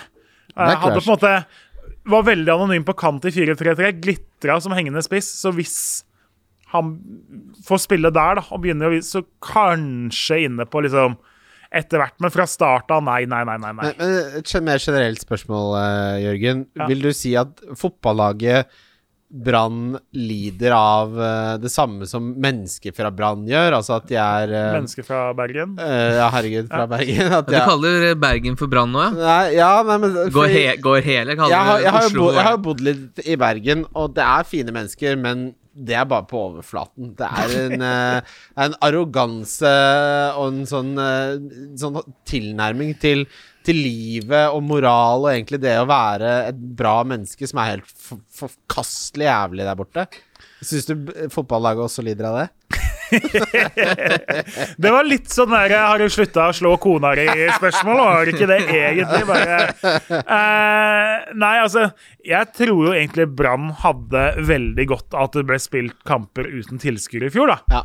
For å svare sånn delvis på det du spør om. Fordi jeg tror det hadde vært jævlig utrivelig å være Brann-spiller på Brann stadion med noen tusen på tribunen i fjor. Sånn Men det som kan jeg respektere spilte. at de er rasende, men de, de bergensere ble jo født rasende. Altså Enten holder de på med kunst, eller så er de rasende.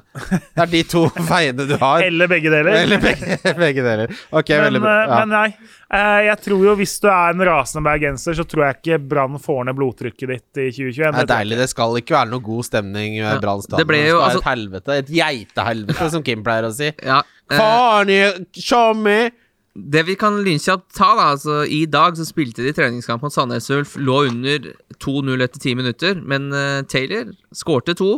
Uh, og det ble 3-3 til slutt i den kampen her. I, du snakka litt om at Sandnes Ulf egentlig vil tape treningskamper, så Ja, det er altså, ikke noe godt resultat Ste- der. Steffen Landro som trener, jeg tror Uh, at hvis de hadde vunnet i dag, så er det det første treningskampen han hadde vunnet på fem år, omtrent som Nest Sotra og Sandnes Ulf-trener. Det, det er nesten som man mistenker han gjør det med vilje. Men eh, det er klart, altså Taylor da, viser jo igjen han han og Grøgaard er på kartet, men jeg har så lite tro på Brann at jeg klarer ikke å anbefale noe tyngre enn Det å er si det sånn. FKH, eh, FK Haugesund. Eh, mange vil jo si det er den styggeste dialekten i Norge. Haugesund-dialekten. Ja, Det syns jeg er ufortjent. Jeg syns den seg- svinger litt. Ja. Er grus i en blender. Er det det? Ja, ja, ja. Syns du? Jeg syns Grine snakker eh, ganske, har ganske fin dialekt. Jeg. Jeg synes det er eh, Men det er ikke det vi skal snakke om nå. Er det noe, er det noe krydder her, Jørgen? Ja, det er det jo potensielt. Uh, vi har jo så vidt toucha noen keeper Frank Stopple, som jo koster 4,0. Uh, som jo er den keeperen som har størst potensiell oppside der, tenker jeg. Stølås er en gammel Eh, favoritt. Uh, Stølås er jo en gammel fantasy-favoritt. Han Ja. hadde jo eh, på Hva blir det? På 40 og noen matcher da i 2018 og 2019, før han tok akillesen, så hadde han jo syv mål og 13 assist. Altså 20 fantasy-målpoeng på 40 matcher på halvannen sesong. Det var helt Eh, det er jo helt ellevilt. Men så tok han jo da akillesen ganske tidlig i 2019. I fjor så ble det null mål og fem assist etter at han var tilbake. Og da kosta han jo 7,5 fra start av. Nå er han jo nedjustert til 6,5. Eh, det er klart, det er jo en for, Altså, han og Espen Ruud er jo de forsvarerne som har det høyeste fantasy-potensialet. Fordi eh, han kan finne på å score to og ha en assist og holde nullen. Og liksom Altså, han kan Han og Ruud kan få 22 poeng på en eh, runde. Det kan ingen av de andre. Ja. Så, men det er tungt å anbefale det. Det er det. Og Desler er litt det samme. Han hadde fem assist til slutt i fjor. Det er ikke så gærent, det, men 6,0 det, det er mye. Det er det, er Jeg syns det er dyrt i Haugesund. De det, er det før samme som? Borchgrevink og Reit. Altså, Ja. Som topplag. Jeg syns den er en halv mil for øh, høy, altså. Hvem er, hvem er topp tre? Kristoffer Welde er også vanskelig å komme ut av, da, sånn han var i fjor. 8,5. 8,5, hører du? 8,5. Uh, 16 målpoeng i fjor. Var jo en favoritt da, starta på 6,5. OK, 8,5 i fjor, men, nei nå, men eh, liksom verdi for hver krone, så kommer han ganske godt ut der. Niklas Sandberg må på igjen. Han var jo den alle hadde inne fra Haugesund ganske tidlig i fjor. Og eh, sant, Han tar straffene, han tar mye av dødballene. Det ble 11 målpoeng i fjor, til tross for at han egentlig hadde en ganske dårlig spillmessig sesong. da. Han kan takke de faste situasjonene for at statsa hans her ser sånn ut. Spillmessig så leverte han jo terningkast to, men i fantasy så har ikke det så sjukt mye å si, da. Hvis du er den som tar straffene. Så Det er det som Ja, poenget ikke kommer. sant? Så hadde det vært eh, sånn som allsvenska, når du får offensive bonuspoeng for vellykka innlegg og sånne ting, så hadde han jo vært, ikke vært i nærheten, men i Eliteserien, ja. Han fikk bare åtte bonus på AI-testen, så han, rett og slett, han spilte rett og slett dårlig. Han var dårlig i fjor spillmessig, eh, og var jo aktuell for Viking i vinter som venstreback. Han er jo høyrekant i Haugesund, så anvendelig. Men uh, sistemann er Ibrahim Awarji, har jeg tro på at kan løsne litt. ok, Og bli en OK verdispiller til 6, nei, til 8 mil på uh, spissplass. Var jo ute halve sesongen i fjor med en sånn doping da han hadde brukt noe uh, middel som han ikke skulle ha brukt da han var syk, og var ute i var det 14 måneder. da. Skårte hat trick i siste runde mot Kristiansund, så ble sju mål til sammen forrige sesong. Jeg mener jo han er såpass god. Nå får han med seg Sondre Liseth bak, som jeg tror kan hjelpe han litt. Jeg mener han er en spiss som bør opp i 10-12 mål i år. Så hvis du treffer han på det riktige kampprogrammet til Haugesund da er Han er ikke en fyr du skal ha inne 30 runder, men han er en fyr du skal ha ikke sant? Fra øh, Treffer du det riktige runde Jeg ser bare her fra runde 11 til runde 14 så har de Tromsø hjemme, Mjøndalen borte, ok, Vålerenga hjemme, men så Sandefjord borte og Godset hjemme. Så de har fire antatte bunnlag i løpet av fem kamper der. Så eh, også- Treffer du han i de periodene, så tror jeg du har eh, en potensiell stor oppside. da. Ja, for det var en liten eh, joker i hatten som jeg tenkte på. Man har jo blankt da de to første rundene, så han er jo egentlig ikke på tapetet fra startskuddet går. Og det er jo litt kjedelig. Tenk, Det, dette er vi dob- snakker men om. ikke dobbel blank betyr jo at det, det kommer noe snadder etter hvert. Ja, som i de rundene som du nevnte der, da, fra 11, så er det jo en dobbel da i 13, som er som du sier, det er jo 7 og 13 som er de store doblene. Og det er jo da mot Vålinga hjemme og Sandefjord borte. Og det er jo en fin dobbel for Vardø. Ja, ja, ja, det, ikke sant? Det, er, kom- det så jeg, og Da er det Godset hjemme og Molde borte i en dobbel neste. Så han er jo eh, nest, er ikke en potensiell kaptein borte mot Mjøndalen, men han er jo en fyr du vil ha inne med Tromsø, H og Mjøndalen borte, og så to dobbeltrunder Ja, for han har jo det. dobbel-dobbel. Ikke sant? Han har to lette kamper, og så dobbel-dobbel. Mm. Det- Han blir spennende. Han er fin da, men Ja. du Rik onkel og dobbel-dobbel, det er litt av et spill vi spiller her, gutter. Ja, det er så tydelig at det er et spill. Det er helt joker nord her. Altså må du huske det er Da må du bruke rik onkelen før du bruker spiser Ja, og men fem bak. Dobbel-dobbel. Jeg rota meg inn på en VG pluss hadde en World of Warcraft-sak her nylig. Ja, det håper jeg, da. Uh, for da var det noe oppdatering. Jeg har aldri skjønt så lite av en artikkel ja. i en norsk tabloidavis som det jeg gjorde. Altså, jeg, jeg skjønte det og og og men, men ellers så var det ingen ord jeg skjønte i den artikkelen. Jeg tenker sånn er det hvis du skulle høre på et eller annet og så roter jeg inn akkurat i denne sekvensen og med dobbel-dobbel og rik onkel. Det er bra altså. vi ikke er på FM-bånd og noen driver og spoler på eh, bilradioen. Tilfeldigvis kommer innom liksom 97,8 der. På, jeg, jeg legger jo ofte ut Jeg driver med amerikansk fotballfantasy, og da legger jeg ofte ut ting. Og Einar Tørnquist har virkelig eh, bitt seg merke i dette, for det Det er jo tullesjargong. Det er røverspråk. Og så skriver han Kan jeg ratte Mac i 2.88 stakkdonk med Fat Clash? Ha dogpod til to? og så er det sånn jeg skjønner, jeg skjønner hvor han vil hen, men jeg, bare så det jeg har sagt, Einar, hvis du hører på den her, den eh, plassen ble besatt, så det løste seg. Men det er jo litt sånn jeg husker eh, altså Med det sånn amerikansk fotballfantasy Så er det gjerne at det, det er ikke bare ett Det er ikke årlig basert. Det går over flere år, og du må ha utvikle osv. Og, så og det jeg ser, er jo at de som er veldig interessert i dette her Altså jo, jo dypere ned i hobbyen du går, jo flere folk er det som bare har skjegg på halsen, og som ikke har hatt en vanlig lønnsutbetaling på ti år. Så det, det kan bli for mye av det, gode. Men uh, jeg syns vi balanserer akkurat på rett uh, side av gelenderet. Nå, KBK derimot, det er jo en uh, Syke er solgt, eller er ikke han nedi i Syke, eh, hvor var det han forsvant, da? Det var, ja, det var et eller annet obskurt. Ja, Ja, jeg jeg tror det var noe Apoel eller et eller annet. tenk, tenk å spille nedi Apoel, det er jo en drøm. For Ja. Kåre hadde jo et lite eventyr der eh, som varte Gudene vet hva han egentlig gjorde der. Det ble han, det, Måten han bare det, det virker jo som han har gjort noe gærent, så bare det var ingen som sa det. Det var det du som sa, Kåre. I alle dager. Uansett, vi skal snakke om fotballspillere. Hva er de tre beste her, Jørgen? Jeg tenker jo at Flamur Kastrati etter null mål forrige sesong, så er det jo bare å få Nei, eh, Flamur Kastrati er en fin uh, uh, fotballspiller, som, selv om han havna i kontroverser i fjor, men det, du må ikke gå dit. Det vanskelige med Kristiansund i år er jo de har solgt begge kantspillerne. De har spiss som ikke skårer mål. Uh, de rullerer masse på midten. Så sånn som ikke sant, Liridon Kaludra er jo en fyr som tar ganske brukbart med fancypoeng. Han hadde fire mål og ti assists i fjor. 3-7 året før, 6-3 før det og 1-6 før det. Problemet er jo at han har spilt 1580, 1506, 1834 og 1587 minutter. Han spiller 60 av tida Kristiansund har på banen. Eh, så Mye av verdien forsvinner på han fordi han blir bytta ut etter 60 minutter hver gang han starter. Ellers er han på benken. Ja.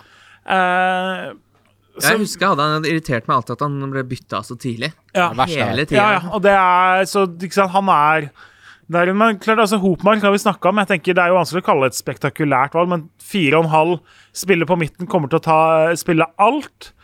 Og så ikke sant Du har det billigste du finner på midten. Hvis du ikke skal ha Skal du ikke gå for 4-5-1 eller 3-5-2 og liksom satse på midten, skal du ha bare en billig 15-mann på midten, så er Hopmark det billig, beste billigvalget. Og tar han straffer i tillegg, så kan det jo faktisk forsvares at han er i elveren i noen av kampene. Ja, akkurat det. Da, da er han nesten litt sånn mer til byrde, da. For det er vanskelig å benke enkelte ganger. Ja, da er det litt sånn som selv om Socek ikke tar straffer, litt samme. Det mm. har svidd noen å sitte med han på benken noen kamper nå. Eh, men ellers så er det som det vi var inne på Kartum, tror jeg kan løsne. Eh, jeg vil vente og se. Eh, Agon Mukollif, som de har henta fra nivå 2 i Danmark, ser ut som en lirare. Altså, drar seg mye inn. Det er mye finter, det er mye langskudd, det er mye Hva er en lirare Jeg skjønner at jeg spiller på svensk, men hva, hva er det du legger i en lirare, Jørgen? For det, er, det henger Er høyt hjemme spiller tenker, svensk? altså, en spiller med X-faktor, en spiller som kan drible og trikse. og sånn. Han, han, Istedenfor å sende en enkel innsidepasning, så ser han andre veien og spiller han med yttersida isteden. Oh, no look pass. Liten feinschmecker. Ja, ja. Nei, Eh, litt Som leken der. spiller på tysk. Mip, mip. Så, men ikke sant, igjen, vent og se. Begge er nye på laget. Eh, hvor mye får de spille? Samme eh, Brynjolfur Dari Willumsson. Nydelig navn. Det er lirare. Ja. Eh, hentes fra Island. Litt samme. Kan høyrekant eller spiss. Eh, også en spiller de sier har mye karisma, Ja. Eh, og som kommer til å gjøre seg bemerka, Men har ikke fått komme inn i landet ennå. Nei, Så det er ganske idioti å dytte han inn nå. Hva er, men sjø, eh, hva er det var Sjøfartsforsvaret som skal det er Sjøfartsdirektoratet som bestemmer om disse utlendingene får komme inn. For det har Justis- og beredskapsdepartementet har delegert oppgaven til Sjøfartsdirektoratet med å bestemme om disse utenlandske spillerne skal få innreisetillatelse til Norge. var duver utenfor norskekysten der og sier ja eller nei? Så sitter en fyr i Sjøfartsdirektoratet i Gud Det høres ut som det er altså, Det er jo Ålesund eller Florø eller et eller annet sånt. Er, Eh, og bestemmer da om eh, Brynjolfur skal få komme inn i landet. Ja, for dette er jo helt utrolig for en eh, De som ikke har eh, Altså Hvis du ikke har brydd deg noe særlig om Eliteserien siden Nanskog og de gutta der spilte, da så skal du begynne nå. Da har du ikke spilt mye Eliteserien fancy heller. Eh, så da går du inn nå, så hørte du bare Jeg hørte noe snakk om han der Darry Williamson, så går det sånn Hvorfor er han rød? Vært sånn Ikke innreisetillatelse, ja. Ja. Det er flagga for det, da begynner vi å snakke Ja. spill. Eh, forsvaret så var jo både Aasbakk og Sørmo populære i fjor. Mm. Nå får Sørmo konkurranse av Snorre Strand Nilsen, så han har litt rotasjonsfare. Aasbakk har ikke samme konkurransen på sin venstrebekk, og er jo i tillegg på en del eh, dødballer. Hadde sju assist og ett mål i fjor. 5,5, da. Eh, problemet er jo han var da med på å holde nullen i tre av matchene han spilte. Kristiansund er mye 5-3 og 4-2 og 7-2 og 4-1. Altså, det er sjelden 1 og 2-0 de vinner nå. For, I fjor var det mye hurra meg rundt. Men har, vi, Men- har, har du tre klare?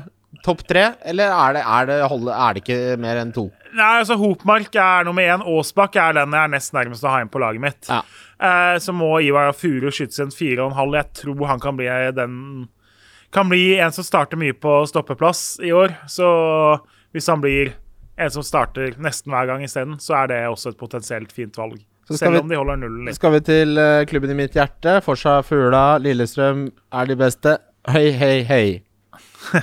Har du blitt Lillestrøm uh, Har du blitt Fugla-borg? Dette, dette har jeg jo fortalt om uh, før. Min gudfar er Bjarne Sognes, uh, som spilte for Lillestrøm. Var sportssjef i Lillestrøm. Lillestrøm eh, ligger bare 20 minutter unna Oslo med tog. Ti minutter. Ti minutter ja. Eh, Fint sted, sikkert det. Bra fotballklubb. Blir favorittklubb da? Nei, nei, men det er jo fordi gudfaren min spilte der. Jeg skjønner jo Altså, ikke sant? Eh, da har man en liten tilknytning. Jeg har vært på Åråsen noen ganger.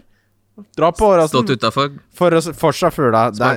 Men Kim, du har jo aldri troen på at jeg gjør vanlige ting. Du tror jeg bare driver og vralter meg rundt i livets eksistens. Jeg har jo vært på Åråsen og spist vafler, jeg òg. Spist vafler på Åråsen? Ja, klart det. Eh, den som utpeker seg her, er jo en av de mest sjarmerende, sympatiske menneskene i Fotball-Norge. Pål André Helland. Deilig at de får inn en influenser på Åråsen. Så får vi se om han kan spille fotball også. Hva tenker du, Fy Jørgen? faen, for et skråblikk. Ja, det var, dette var tung samfunnsanalyse, faktisk. Uh, jeg tenker jo Helland kosta 11 mil, 12 mil, 11 mil og 11 mil fra start i fire sesonger i RBK. Nå koster han 8,5. Eh, han har jo ikke levd opp til prisen sin mer enn i beste fall den første av de fire første fancy-sesongene, da. Det beste Tre som er med hele det fan- Sorry. Det beste som står når du trykker på Pål André Helland, så er det bare smell! Ja, det var det jeg skulle si også, fordi selvsagt Pål André Helland har jo ikke Han har jo vært så mye skada. han. Selvsagt er han gulflagga, så går de inn på hvorfor er han det? Smell. Litt, litt vondt i kroppen. Eh, Fått seg en litt avtrykk. Ja, men sorry, Eh, fortsett. eh, altså, han spilte 971 minutter i 2019, hadde likevel 10 målpoeng. Spilte 1100 minutter i fjor, seks målpoeng. det er ikke voldsomt, Men han, han tar jo målpoeng når han er på banen, i hvert fall for Rosenborg. da. Eh, men det er ikke sant Han har da spilt I 2017 spilte han 1567 minutter. Det er det meste han har spilt de fire siste sesongene. Han, selv om han ikke har, blir bytta ut så ofte for LSK som han kommer til å bli for Rosenborg, altså, han kommer til å spille 60-70% av spilletida at best. Og da er det seigt å sitte med han kontra en si Oliver Edvardsen, som kommer til å spille mye mer i Stabæk, og som kommer til å ta like mange målpoeng, da, og som er halvannen mil billigere. Så liksom, det, han går ikke an å anbefale der pga. skadehistorikken. Jeg mener jo Alex eh, Kranings er en av de beste keepervalgene hvis du går forbi de to første rundene. Syns 4,5 Jeg har mer tro på LSK enn prisen tilsier. Jeg mener det er et bedre valg enn eh, Storevik er en halv mil dyrere. Ganske mange er en halv mil dyrere enn det, da. Jeg, jeg hadde han inne før det ble blanke runder i runde én og to og sånn, så var han inne som en av de to jeg vurderte som keeper da, liksom. Eh, litt samme Vetle Dragsnes er den dyreste forsvareren deres på 5,0, men har jo vært ganske bra offensivt for så vidt for et litt eh, ikke sprudlende Mjøndalen. Fem målpoeng i fjor, sju målpoeng sesongen før. Eh, Samla ganske bra med OK med bonuspoenger for dem. Jeg syns det er et valg det går an å vurdere. Litt samme er det med Ogbu, som koster 4,5, kommer til å starte alt. De har betalt eh, 2-3 mil for han. Han er et kjempetalent. Eh, de er tynne på stoppeplass. Så, så jeg lener meg på at Kranings er kanskje det beste valget, men hvis du går for en annen keeper, så er det ikke dumt å gå for en av Altså for Ogbu, eksempel. Eller Ranger, da, som også koster det samme, høyreback. Ja. Offensivt litt sånn at eh, det koster litt mer enn det smaker både på Lene Olsen og Gjermund Aasen, som er en tidligere favoritt til åtte. Begge koster åtte Nei, åtte på Aasen og åtte og en halv på Lene Olsen. Det er litt for mye til at man får helt tenninga på det i staten. En som derimot er tredjeplassen, er Khan Kairinen. Eh, hadde vel ni målpoeng i Obos. Er en nydelig spiller. Han er kjempegod. Eh, han er ikke sånn veldig målpoeng, men han er en av de beste indreløperne utafor topp fire-laga i Norge. Så er han en av de aller beste midtbanespillerne du får se i Eliteserien. Eh, bør jo liksom kunne komme seg opp i 5, 6, 7, 8 målpoeng. da, Koster 6 mil. Kommer nok til å få OK med bonuspoeng, så han er i hvert fall en på radaren, men ganske langt unna noe tropp eh, i øyeblikket. Er det så tynt at vi får se Kipp i år, eller? Bak der? Nei, det er det ikke. De har jo fire stoppere, men det problemet er at ved siden av Ogbu så føler de at ingen av de tre andre er gode nok for Eliteserien, rett og slett. Så de, de er fornøyd med liksom tredje- og fjerdevalget sitt. De bare har ikke det nummer to ved siden av Agbu på plass ennå. Men driver de Ja, for det må vi jo bare for lynkjapt ta det også. Overgangsvinduet stenger jo da 12. mai er det vel det stenger. 12. Altså det stenger altså når andre serierunde Ja, 12. starter. eller 14., nå ble jeg litt usikker, men i hvert fall den uka. Hvis det er torsdag, så er det 14. Nei, det går heller ikke for onsdag. er 12. Det spiller ingen rolle. Mm. Det er i hvert fall vinduet er oppe etter deadline for første gameweek. Så det er jo en ting å kanskje merke seg, da. Det er 12. mai, ja. Så da blir det hektisk for mange da, for da Ja, er det er det match og overgangsvindu. Ja, det er eh, deadline day. Det, er, det, er, det skal være litt krydder. Krydre litt. Men hva er det de kan gjøre nå? Kan de hente, med tanke på innreisenekt for spillere som allerede er henta, hvor mye kan man gjøre nå, egentlig? Hvor mye kan klubbene gjøre nå frem til deadline? Nei, altså, du har jo to valg. Enten så må du lete innenlands, eller noen med norsk pass som får lov til å komme inn i Norge igjen. Eller så må du ta sjansen på å hente en utlending som du ikke veit når du får over grensa. Eh, og det er mange spillere som sitter i Sverige som er signert i februar og mars, som ennå ikke har fått lov til å komme inn i Norge. Så ikke sant, du kan svi deg på at du må vente to-tre måneder i hvert fall. Nå har de jo meldt at det skal være litt fortgang i prosessen nå. Eh, Så får vi se om Sjøfartsdirektoratet er så effektive som det hevdes. Eh, Mjøndalen. Mjøndalen, Uh, også kjent som GHB-hovedstaden i Nord-Europa. akkurat. Nei, Av, av en eller annen grunn så er det, det er der det skorter litt uh, borti Mjøndalen. Dette er sånn som man faktisk må dikte opp dette, eller Nei, er det, altså, noe spesielt? Det er fordi det er, det er, du er jo en eh, Du er jo en liten fabler, Kristian. Nei, nei, ja, altså det kan det være, men uh, altså det er både basert på anekdotiske bevis, uh, men også empiri. Så Tung, tung Eh, Mjøndalen var jo en defensiv favoritt, først og fremst med Makani, men også med både Nakkim og Dragsnes i fjor. Jeg tror jo de også i år kommer til å bli vanskelig å score på i en del av eh, matcha sine. Og klart, Nakkim tok jo noen straffer i fjor. Kan fort hende han gjør det samme. jeg hadde Kyrre Nakkim hele forrige sesong. jeg. Uh, Kyrre Nakkim er tung å ha inne. Markus håper jeg du hadde Ja, Det var det jeg mente. Ja. Eh, eh, ikke- er ikke det gammel VG-kommentator? det han, er, han er utenrikssjefen i NRK. Ja, ja, riktig. Det er han. Ja, det, er, Jeg mente vanlig det er en bra diff, i hvert fall. Det kan vi være enige om. Men savner vi Gauseth og Mats Hansen, eller? Altså, Gauseth er jo tilbake. Gauseth fikk jo kontrakt, da. Fikk han kontrakt allikevel? Ja da. Så det Han. Han og Pål André Helland kan jo ta seg en skikkelig rakabaiser nede på Østlandet her, da. ja. Uh, Gauseth har spilt litt dypt på midten, så jeg tror i fjor så spilte han hengende spiss og så litt fristende men Mjøndalen kommer til å variere mye. De har jo, Ved siden av Nakkim så var jo Makani den store defensive. eh, helten for dem i fjor. Tok jo da anstendige 112 poeng som keeper for Mjøndalen i fjor. Er, Eh, er Tvum den beste 4,5-midten? Nei, nei, Hopmark er bedre. Det er et par andre som er litt innpå. Men Tvom kommer til å spille en del og kan bidra med noen mål. Jeg liker jo Altså, Tony Brochmann er tilbake. Han hadde jo mye sykdom og litt sånn Det var vel noen hjerterytmer og litt sånn som gjorde at han ikke fikk spille så mye i fjor. Eh, Men 2019 så hadde han åtte mål og fire assist. Det er ganske bunnsolide tall for et Mjøndalen-lag som ikke sprudler det. Han tok straffene da. Han var jo en åpenbaring både på Stabæk og Mjøndalen. eh, Brochmann, ja. Ja, så han er jo en Og eh, nå liten har de favoritt. ikke sant, I fjor Mjøndalen bytta sjukt mye formasjon. I år så har de starta stort sett 4-3-3 og Brochmann ute til venstre i Det ser ut som det blir default og kanskje litt mindre rullering i år. Så han er jo Jeg mener at til 6,0 så veit Han har levert før han kan levere. Det, jeg syns jo han er interessant. Mye mer fristende det enn å gå liksom eh, Gauseth på fem, eller å gå på en av de som kommer til å være inn og ut av laget, sånn Amundsen, nei, Åsmundsen og alle de. I tillegg Benjamin Stokke, da, 6,5 mil på spissplass. Eh, stor, sterk, skårte masse for Kristiansund i 2014. Kommer til å starte hver eneste kamp for dem. Det er et tynt utvalg på spissplass, spesielt på billige spisser som er garantert spilletid.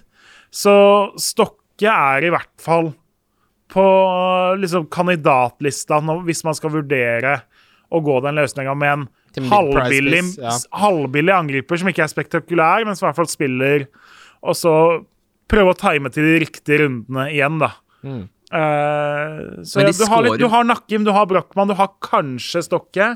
Hva med Scheibe? Han hadde jo Han, Ja, det visste han hadde jeg i fjor. det var, og nå med Stokkien så kommer det til å være mye Jeg tror de kommer til å spille lite sammen. Ja. I hvert fall fra start av, så det må du holde deg unna. Ok. Eh, hvis, Eh, Men det føles litt som eh, Norges Sheffield United, det her. At Ja. det er bakover eventuelt du får poengene. De scorer veldig Ja. lite mål, uh, Mjøndalen. så er det spennende å se ikke sant, på straffer. Altså ta Brochmann straffer da, og starter de fleste kamper. Så, men jeg tror jo det ender opp med fem andre på midten. Men han er i hvert fall liksom han er up, et alternativ, da. Ja, fordi hvis man ser på midtbanen til eh, Mjøndalen, da, så er det Fredrik Brustad som fikk mest poeng i fjor. Ja. Uh, han skårte to mål og hadde én målgivende. Ja. Det er midtbanen til Mjøndalen. Den beste spilleren de har. Han fikk mest fordi han spilte de fleste kamper og dro med seg to liksom, spilleminutter eh, poeng hver kamp. Ja. Uh, Molde. Ja. Er det Altså, hvis eh, Hvis man skulle på en måte dratt en sammenligning til, til et lag i England, er Molde Han har gjort det. Det er Manchester City. Det, det er jo Det er Manchester City, og vi skal til Manchester Vi skal til den blå delen av Manchester, ja. Det skal vi definitivt. Og da er jo Ikke sant Wolf Eikrem er jo det åpenbare valget. Så det er nesten ikke vits i å snakke Nei, da går vi videre til nummer to. Er han skadefri, så spiller han. eh, nummer to eh, Da står du ikke sant? Du står med den store rulleringsfaren, så jeg syns det er veldig skummelt. Ulland Andersen er inne på 10% av lagene nå, fordi han gjorde det bra i den ene europacupkampen der hvor de gikk videre. Og, men ikke sant? han kommer til å dele den venstrekanten med Ola Brynildsen.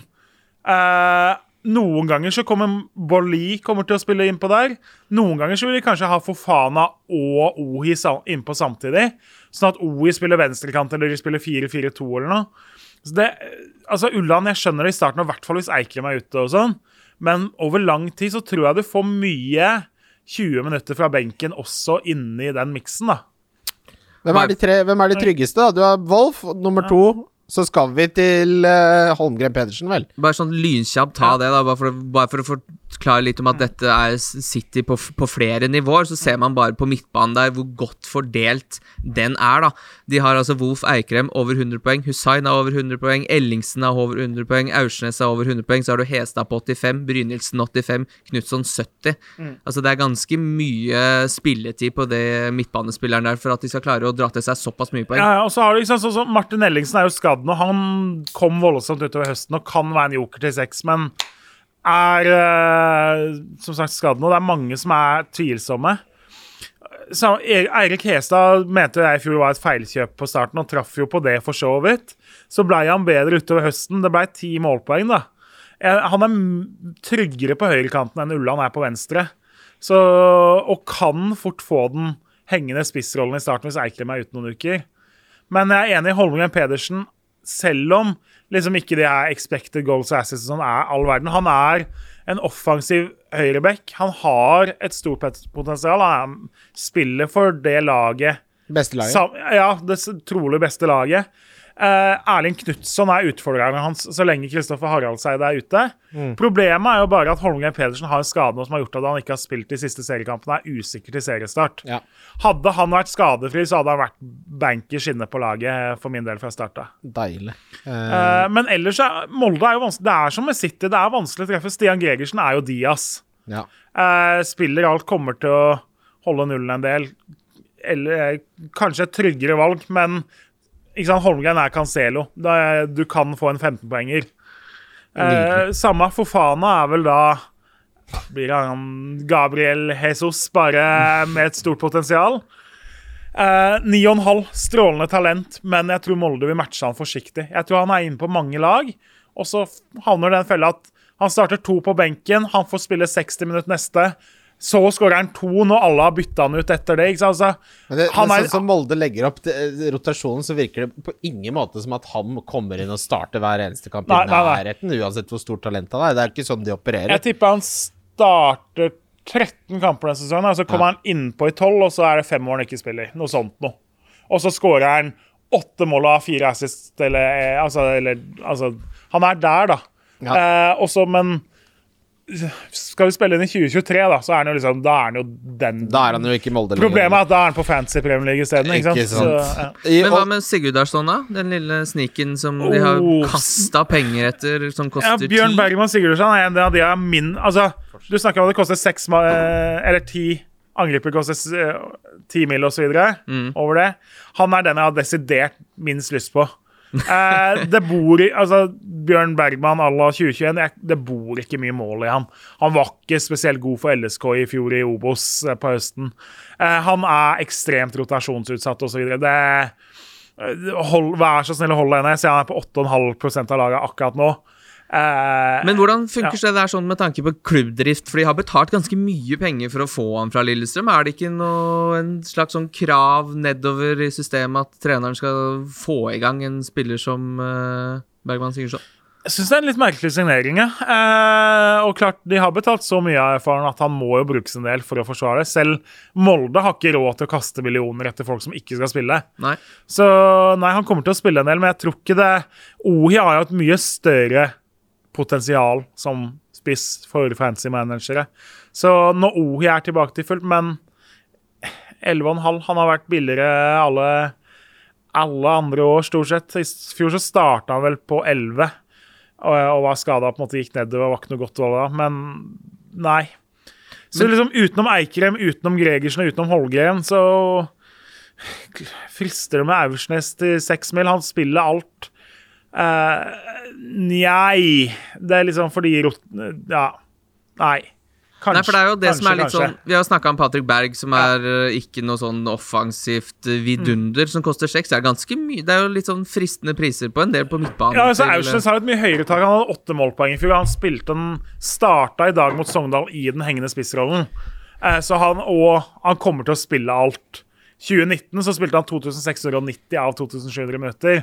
I fjor så fikk han hvile i 350 minutter. Liksom, altså, men han er jo på banen hele tida, da. Så, og dro 17 bonuspoeng i fjor, så jo, kanskje Aursnes er liksom innpå alternativ. Men det, det føles jo liksom Du vil jo heller ha en høyrekant som gjør det bra for Stabæk eller Odd, da, enn en fyr som spiller dypt på midten i Molde. Ja. Det er et godt poeng. Odd er uh, en gammel fantasy-favoritt for min del.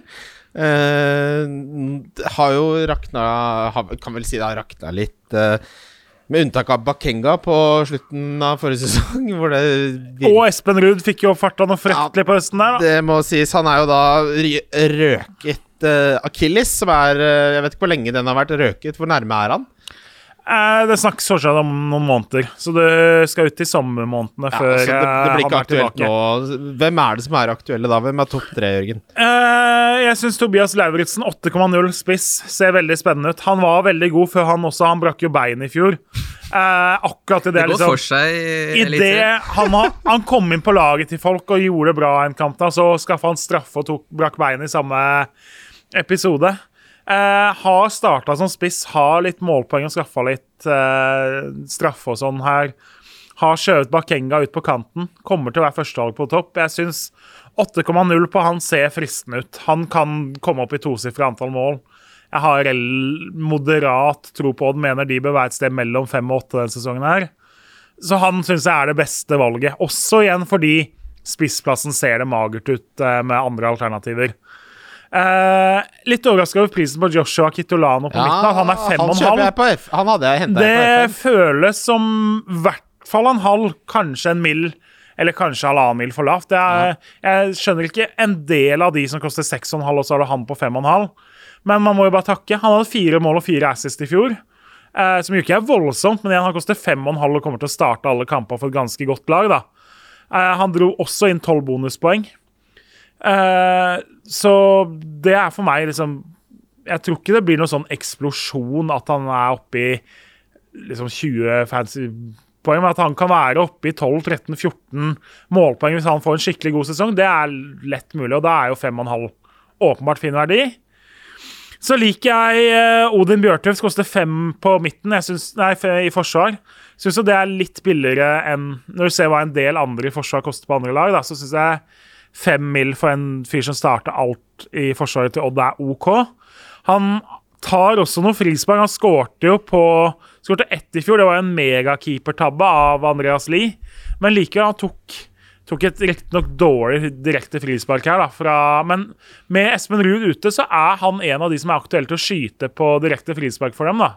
Så det øker jo verdien i han òg. Så det, det er definitivt min topp tre. Og hadde kampprogrammet vært sånn som det originalt var, så hadde Odd et fint program fra start. Da var alle tre inne på mitt lag fra seriestarta, faktisk. Men er det ikke fortsatt et ganske godt uh, gang- En ganske god start hvis du har muligheter altså- til å rotere? For det er jo altså da Sandefjord hjemme i én, og så er det blank, og så er det Stabæk borte, så er det Sarpsborg hjemme, og så er det Lillestrøm borte, og så er det Bodø-Glimt hjemme, og da blir det, begynner det å bli litt verre, men Ja. de Og så er det dobbel, men dobbelen er KBK og Vålerenga borte. Men like, jeg, jeg er enig. Eh, ulempen er jo ikke sant, den runde to og hva Ja, men Så du kan ikke ha tre mann fra Odd inne. Men at du finner at Lauritzen er en mann det er verdt å ta sjanse på, fordi Sandefjord ser ikke bra ut. Uh, Lauritzen kan få tosifra fantasypoeng mot Sandefjord, og da er det verdt å heller ha Hopmark inne mot uh, Bodø-Glimt i runde to liksom, og Lauritzen i runde én, hvis det på en måte blir en duo å gå for. Det er ikke det er ikke sikkert det gir dårlig avkastning over de to rundene, da, selv om Hopmark er to forventa å få to poeng i den kampen. da. Ja.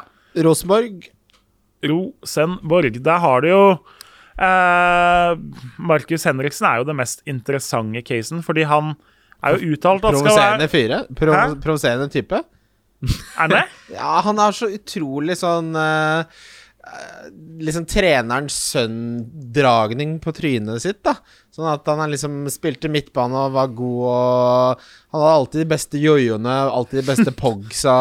Så litt sånn mislykka England-eventyr. Kommer tilbake til Eliteserien og er sånn hey, hey, big shot-type tryne. Jeg liker litt det derre megabrain-movet til Åge Hareide ved å skulle prøve han sånn stopper, altså. Det var kun mind games pga. fantasy-laget til Hareide, så klart. Han ville ha, ville ha de defensive bonus... Seks og en halv fra- forsvarsspiller Henriksen der, eh, er det Det er eh, Det er jo litt rart, for de har jo tross alt fire ganske godt betalte, ganske anstendige midtstoppere fra før av. Eh, Så nå står det jo en med Valsvik som har et par millioner i lønn på benken. Eh, Ja, For det er liksom måte på hvor spillende midtstopper du skal ha. og så skal du, altså Hvis Henriksen skal ned, da, så tror jeg da står det mellom Eyolfsson og Hovland om å være stopperen hans. Da har liksom den andre sitter på benken sammen med Valsvik, og så har du han Serbesic i tillegg liksom som skal sitte på benken. Det, liksom, du skal ha tre midtstoppere som har seks mill. i årslønn til sammen på benken. da. Men det er klart de har en velfylt midt òg. Men Henriksen har jo spilt på midten i siste kampene. Problemet er at han har spilt dypt mens Siljan er ute. Så liksom, han kommer ikke til så mye. Men det er jo en mulighet for at han kan bli indreløper etter hvert. Og altså Står han som forsvarsspiller i spillet og spiller indreløper, eller ikke sant, Henriksen har jo spilt hengende spissord. Det, det er en mulighet for at Henriksen blir sjuk verdi eh, utover i sesongen.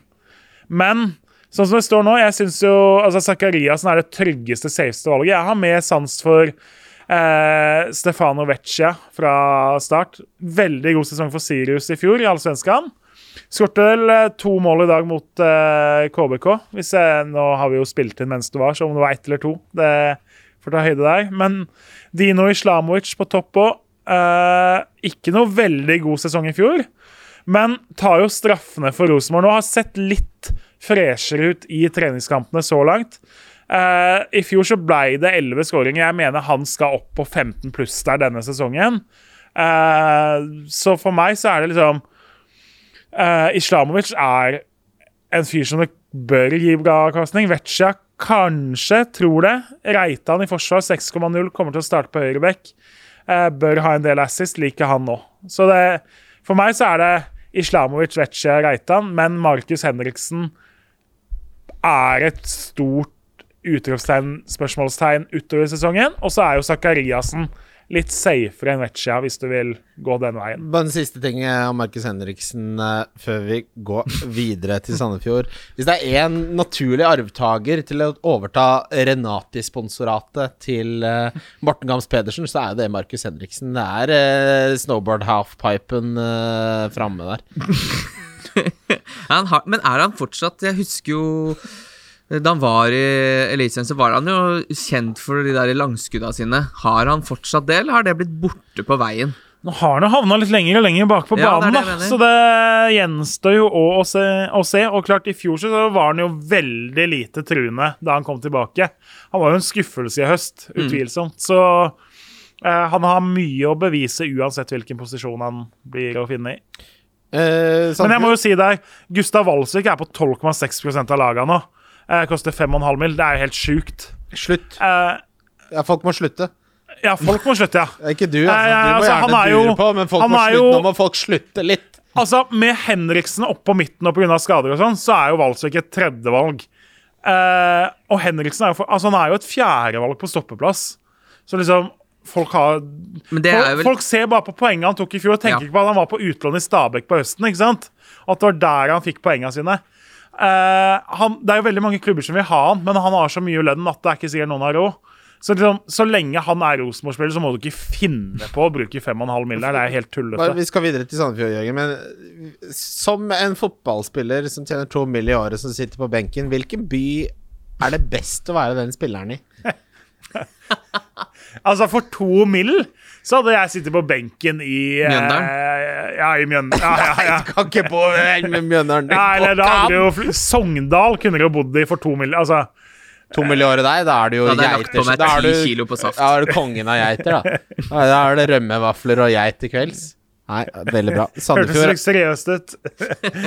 Definisjon. Ja, da, du skal spare alle de to millionene hvert eneste år. ja, men Så det er rømmevafler til middag hver dag, og så er det kanskje en grunn til at du sitter på benken, da.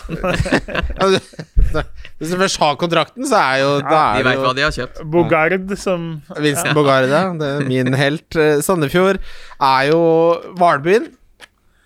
hvalfangerbyen. Uh, ja, jeg, jeg skjønner ikke prosentene der, jeg, da. Eh, det, altså, det viser jo bare at folk setter bare opp et lag, og så gjør de andre ting i livet Jeg sitt. tror det er mye auto. Tror du ikke det er er mye autopics her, da? Hæ? Det er mye autopics. Det må Altså, Kim okay. er jo skyldig i det. Ja, Han jeg har ikke satt opp et lag av. Men jeg har ikke fått noen fra Sandefjord inn. altså. Storvik var jo bra i fjor, men 18,4 poeng av, nei, prosent av lagene når han koster 5 i mål nå. Kreuzrigler koster 20,6 Nei, koster 4,5 og er valgt av 20,6. Han er liksom en av de mest populære forsvarsspillerne. Jeg bare føler at her er det et tog jeg ikke har sett gå forbi stasjonen i det hele tatt. Det tre Han hadde vi- ett mål og en assist i fjor, og så fikk han fire bonuspoeng. Ok, Det holdt nullen ti ganger, da. Men Sandefjord holder ikke nullen ti ganger i år. Og Er det- Ja, Er det tre spillere du vil ha herfra? nei. Hvor mange er det? Eh, minus tre. Minus tre? Eh, ikke sant? Vidar Jonsson var en favoritt i fjor fordi han da var han forsvarsspiller og så spilte han mest kant og ta dødballer. Nå er han midtbanespiller på spillet, så det frister veldig lite. Eh, nei, altså Gushios koster 6,0 i året. Kanskje han er liksom Han gjorde en OK sesong i fjor, da. Eh, Mark Valais er jo en god spiller, men liksom 5,0 for en Sandefjords-forsvarer? Nei. Det er lov å si nei Eh, takk, Jørgen. Det er lov, det. det Harmen si Singh OK, men koster 6 mil... Nei, altså Jeg skal ikke ha noe. Nei. Det er fascinerende. Må jeg velge en, da, så er det jo mannen må- med det litt kjedelige navnet Franklin Daddy's Boy i en tue. Eh, se, koster fem mil. Har starta de fleste kampene på kant. Men liksom, han gjorde det ikke bra for Stjørdalsbenk i fjor. Sandefjord har sett helt fryktelig ut i treningskampa. Så eh, jeg kan ikke sette noe anbefalt stempel på noe som helst der. Det eneste jeg kan sette anbefalt eh, på, er å få ut de gutta som er valgt av 20 og 18 av folket. Eh, få, få det ut. Få det, få det bort. Se Eduardo ser ut som en sånn C01 nå skal vi til Sarpsborg. Han er Sarpsborg. CM0102-signering. Vi skal til Sarpsborg. Eh, Sarpsborg er som Molde også Norges Manchester City i forhold til at det er veld, eller med tanke på at det er veldig vanskelig å vite hvem som starter, bare at de er ikke like gode. Eh, der òg er det litt sånn, ikke sant, det er mange av de forsvarsspillerne du har lyst på, koster 5,5. da. Viktene. Spiller de 3-5-2 og han blir høyre wingback. Han var veldig offensiv her de gangene han har vært det. Og han tar mye dødballer, men liksom fem og en halv, sånn som Sa- Sarpsborg har sett ut de siste sesongene, det er litt for mye for en forsvarsspiller. Selv om det er wingback, og selv om det er dødballansvar på en del, da, så er det også litt rotasjonsfare. Og, men han er nærmest av forsvarsspillerne, selv om Utvik er en bonusmagnet. På midten så har de jo da som vi har snakket om, altså både Saletros og Rashad Mohammed, som koster 6,5, kommer til å spille veldig mye. Problemet er at de har ikke vist seg som noen mål- og assist-plukkere veldig stødig. Er knapt nok i det hele tatt, men begge er veldig interessante, da. Og så er egentlig det det. Det er fint, det. det Så må fint. vi nevne der en må få slakte. Altså, Nicolay Næss er på 18,9% av laga, da. Ok, Han koster 4,5 og spiller ganske fast på midten, men han er jo valgt fordi folk går gjennom hvem tok mest poeng i fjor. Oi, her var det en som var kjempebillig på midten. Han tok 91 poeng i fjor, koster 4,5. Det man ikke da tenker på, er at i fjor var han forsvarsspiller i spillet, var med på 10 rent bur, ikke sant? Så han ville jo hatt 30 poeng mindre hvis han var forsvarsspiller i fjor. Da hadde han hatt 61 poeng og spilte alle kamper. 61 poeng på en forsvarsspiller, nei, en midtbanespiller på 30 kamper, det frister litt. Han hadde én assist og null mål i fjor. Nei, Så liksom de 19% som sitter med han inne, Altså, ikke tenk tanken engang, vær så snill. Men det, det er, vi snakker jo, jo mer vi snakker om det her, det kommer jo til å ha en hard kjerne på ca. 29 eh, seriøse spillere, og resten skjønner jo ikke en sabla Nei da, ikke sant? Altså, det nei, det, blir, det blir jo sånn som jeg har jo jeg på jobben, ikke sant, men jobber som lærer de jeg spiller mot. Altså, det, er jo, det er jo synd at jeg, vi spiller om en 200-lapp hver, ikke en 2000-lapp hver, for å si det sånn, for det er jo Ikke sant? Mange du av kan de få være med i min liga hvor det koster Ja. litt mer, Jørgen. yes, Ja. ja. takk. Ja, da, det er ikke lov. Eh, jeg er med. Uh, mange av de kommer til å ha Nicolay Næss inne på laget, da. De jeg spiller mot på jobb der. Det er gratis penger, og vi skal til Jeg må bare lynkjapt si at jeg ble veldig skuffa Kjeder du deg, Kristian? Nei, men du skal Nå har du sagt 'jeg skal lynkjapt si'. Nå har du sagt det 14 ganger. Det er ikke lynkjapt, men det er helt greit, Kim. Det unner jeg deg. Du har nettopp klippa deg, se. Nei, jeg har ikke klippet meg på flere måneder. Veldig bra. Takk for å få det. Stabæk. Kul observasjon. Eh, Saletros. Jeg ble veldig skuffa, for jeg trodde at han var sånn katalaner. Jeg ble henta til Fuentes og sånn, men at han er fra Sverige Aldri blitt så skuffa i hele mitt liv. Og så jeg halvt fra Ungarn. Anton ga det ikke vekk, liksom. Nei, men Jeg Eh, var ikke på fornavn med han på den tida. her Nei. Ungarn er ikke noe Det er ikke eksotisk nok for meg. eh, nei, det Jeg skal mange til Korfu. Jeg skal ikke til Budapest. Ikke sant? Du skal ha litt asurblått hav. Du skal ikke ha grå bygningsmasse og gammel Sovjet. Anton Saletros. Det er kebabpizza og gulasj, det. En saletros det kunne vært en sånn pizzavariant. eller noe. Kunne vært en Det kunne vært. fuglevariant også. Eller det er, ta, det er noe du stiller på tapasrestaurant. Liksom. Du skal ha, Det er det. En Du skal ha saletros. deg en saletros, eh, det, liksom. Ja, det Det er det jeg mener. Han er Sverige. Jeg ble skuffa. Sier dere artiskokk eller artisjokk? Artisjokk. Men jeg aner ikke hva som er riktig. Nei, ikke jeg heller. Men jeg bare tenker en saletros inneholder artiskokk i seg. Da har vi kommet til Stabæk, eh, gutter. Stabæk er jo eh, klubben for hårbånd lekne Anderser på midten, som eh, er litt sånn Kall det en falsk åtter. Litt sånn trequartista trukket ned på midtbanen der. Anders Svensson. Stabæk. Ja. Uh, Vanskelig å følge opp den. Uh, synes, I fjor så gikk jo Oliver Vallake Edvardsen gikk jo veldig under fancy-radaren. Han var liksom på 1,2 av laget, og sånn, og grunnen er jo fordi det var så mange må ha på midten. Eh, men han skårte altså seks mål, hadde seks assist, 13 bonuspoeng. Han fikk 125 poeng i fjor. Det var vel, Han var vel inne topp ti av alle spillere i fjor, hvis jeg ikke husker feil. Du snakka han øh, varmt om han Ja, ja Han snakka jeg om for et år siden, så han Ja. traff jeg faktisk på. da Ja, jeg Det var bare-. Problemet var jo at du måtte ha Hauge Sinkernagel, Eikrem og Pellegrino på midten, og så Mm. blei jo han Hove eller Kristoffer Welde liksom som mest ved siden av, da. Så liksom Edvardsen Hadde du bare skulle valgt ti spillere, så ville jo Edvardsen vært på 40 av laget. Mm. Men fordi du bare kan ha fem midt, så forsvant den ut. Men koster bare 7,0 mill. i år. Bare en halv mill. stigende fra prisstart i fjor. Uh, Stabæk ser jo ikke bra ut offensivt, men uh, til gjengjeld, altså Spissene ser jo helt forferdelige ut. Så det kan hende han til og med flyttes inn fra kantplass til en spissplass. Det er i hvert fall en mulighet, ja. Men jeg mener at det er en mann fra Stabæk som er veldig fristende å ha inn i perioder. Det som virker som en veldig fin periode, da altså De har jo da ikke kamp i én og to. Og så er det da derfra ned så er det Odd, Brann, Rosenborg og så er det Molde, Vålerenga, Bodø-Glimt. Helt grusom dobbel der eh, i ni, blant annet, mot Vålerenga og Bodø-Glimt. Eh, og så har de Blanky eh, i tolv. Men derfra ut så har de jo da dobbel-dobbel, som er Strømsgodset borte, Lillestrøm hjemme. Og så er det da dobbel mot Mjøndalen borte og Sarpsborg hjemme. Der begynner han å bli Ja. litt interessant. Og jeg må si at jeg, jeg, jeg tror min plan på wildcard Jeg håper jeg klarer å beholde det til før runde 13. Eh, det er ambisjonen min å få gjort det. For det er veldig mange som har dobbel i de rundene der, og noen har blanke og sånn. Så det er i hvert fall default-planen akkurat nå.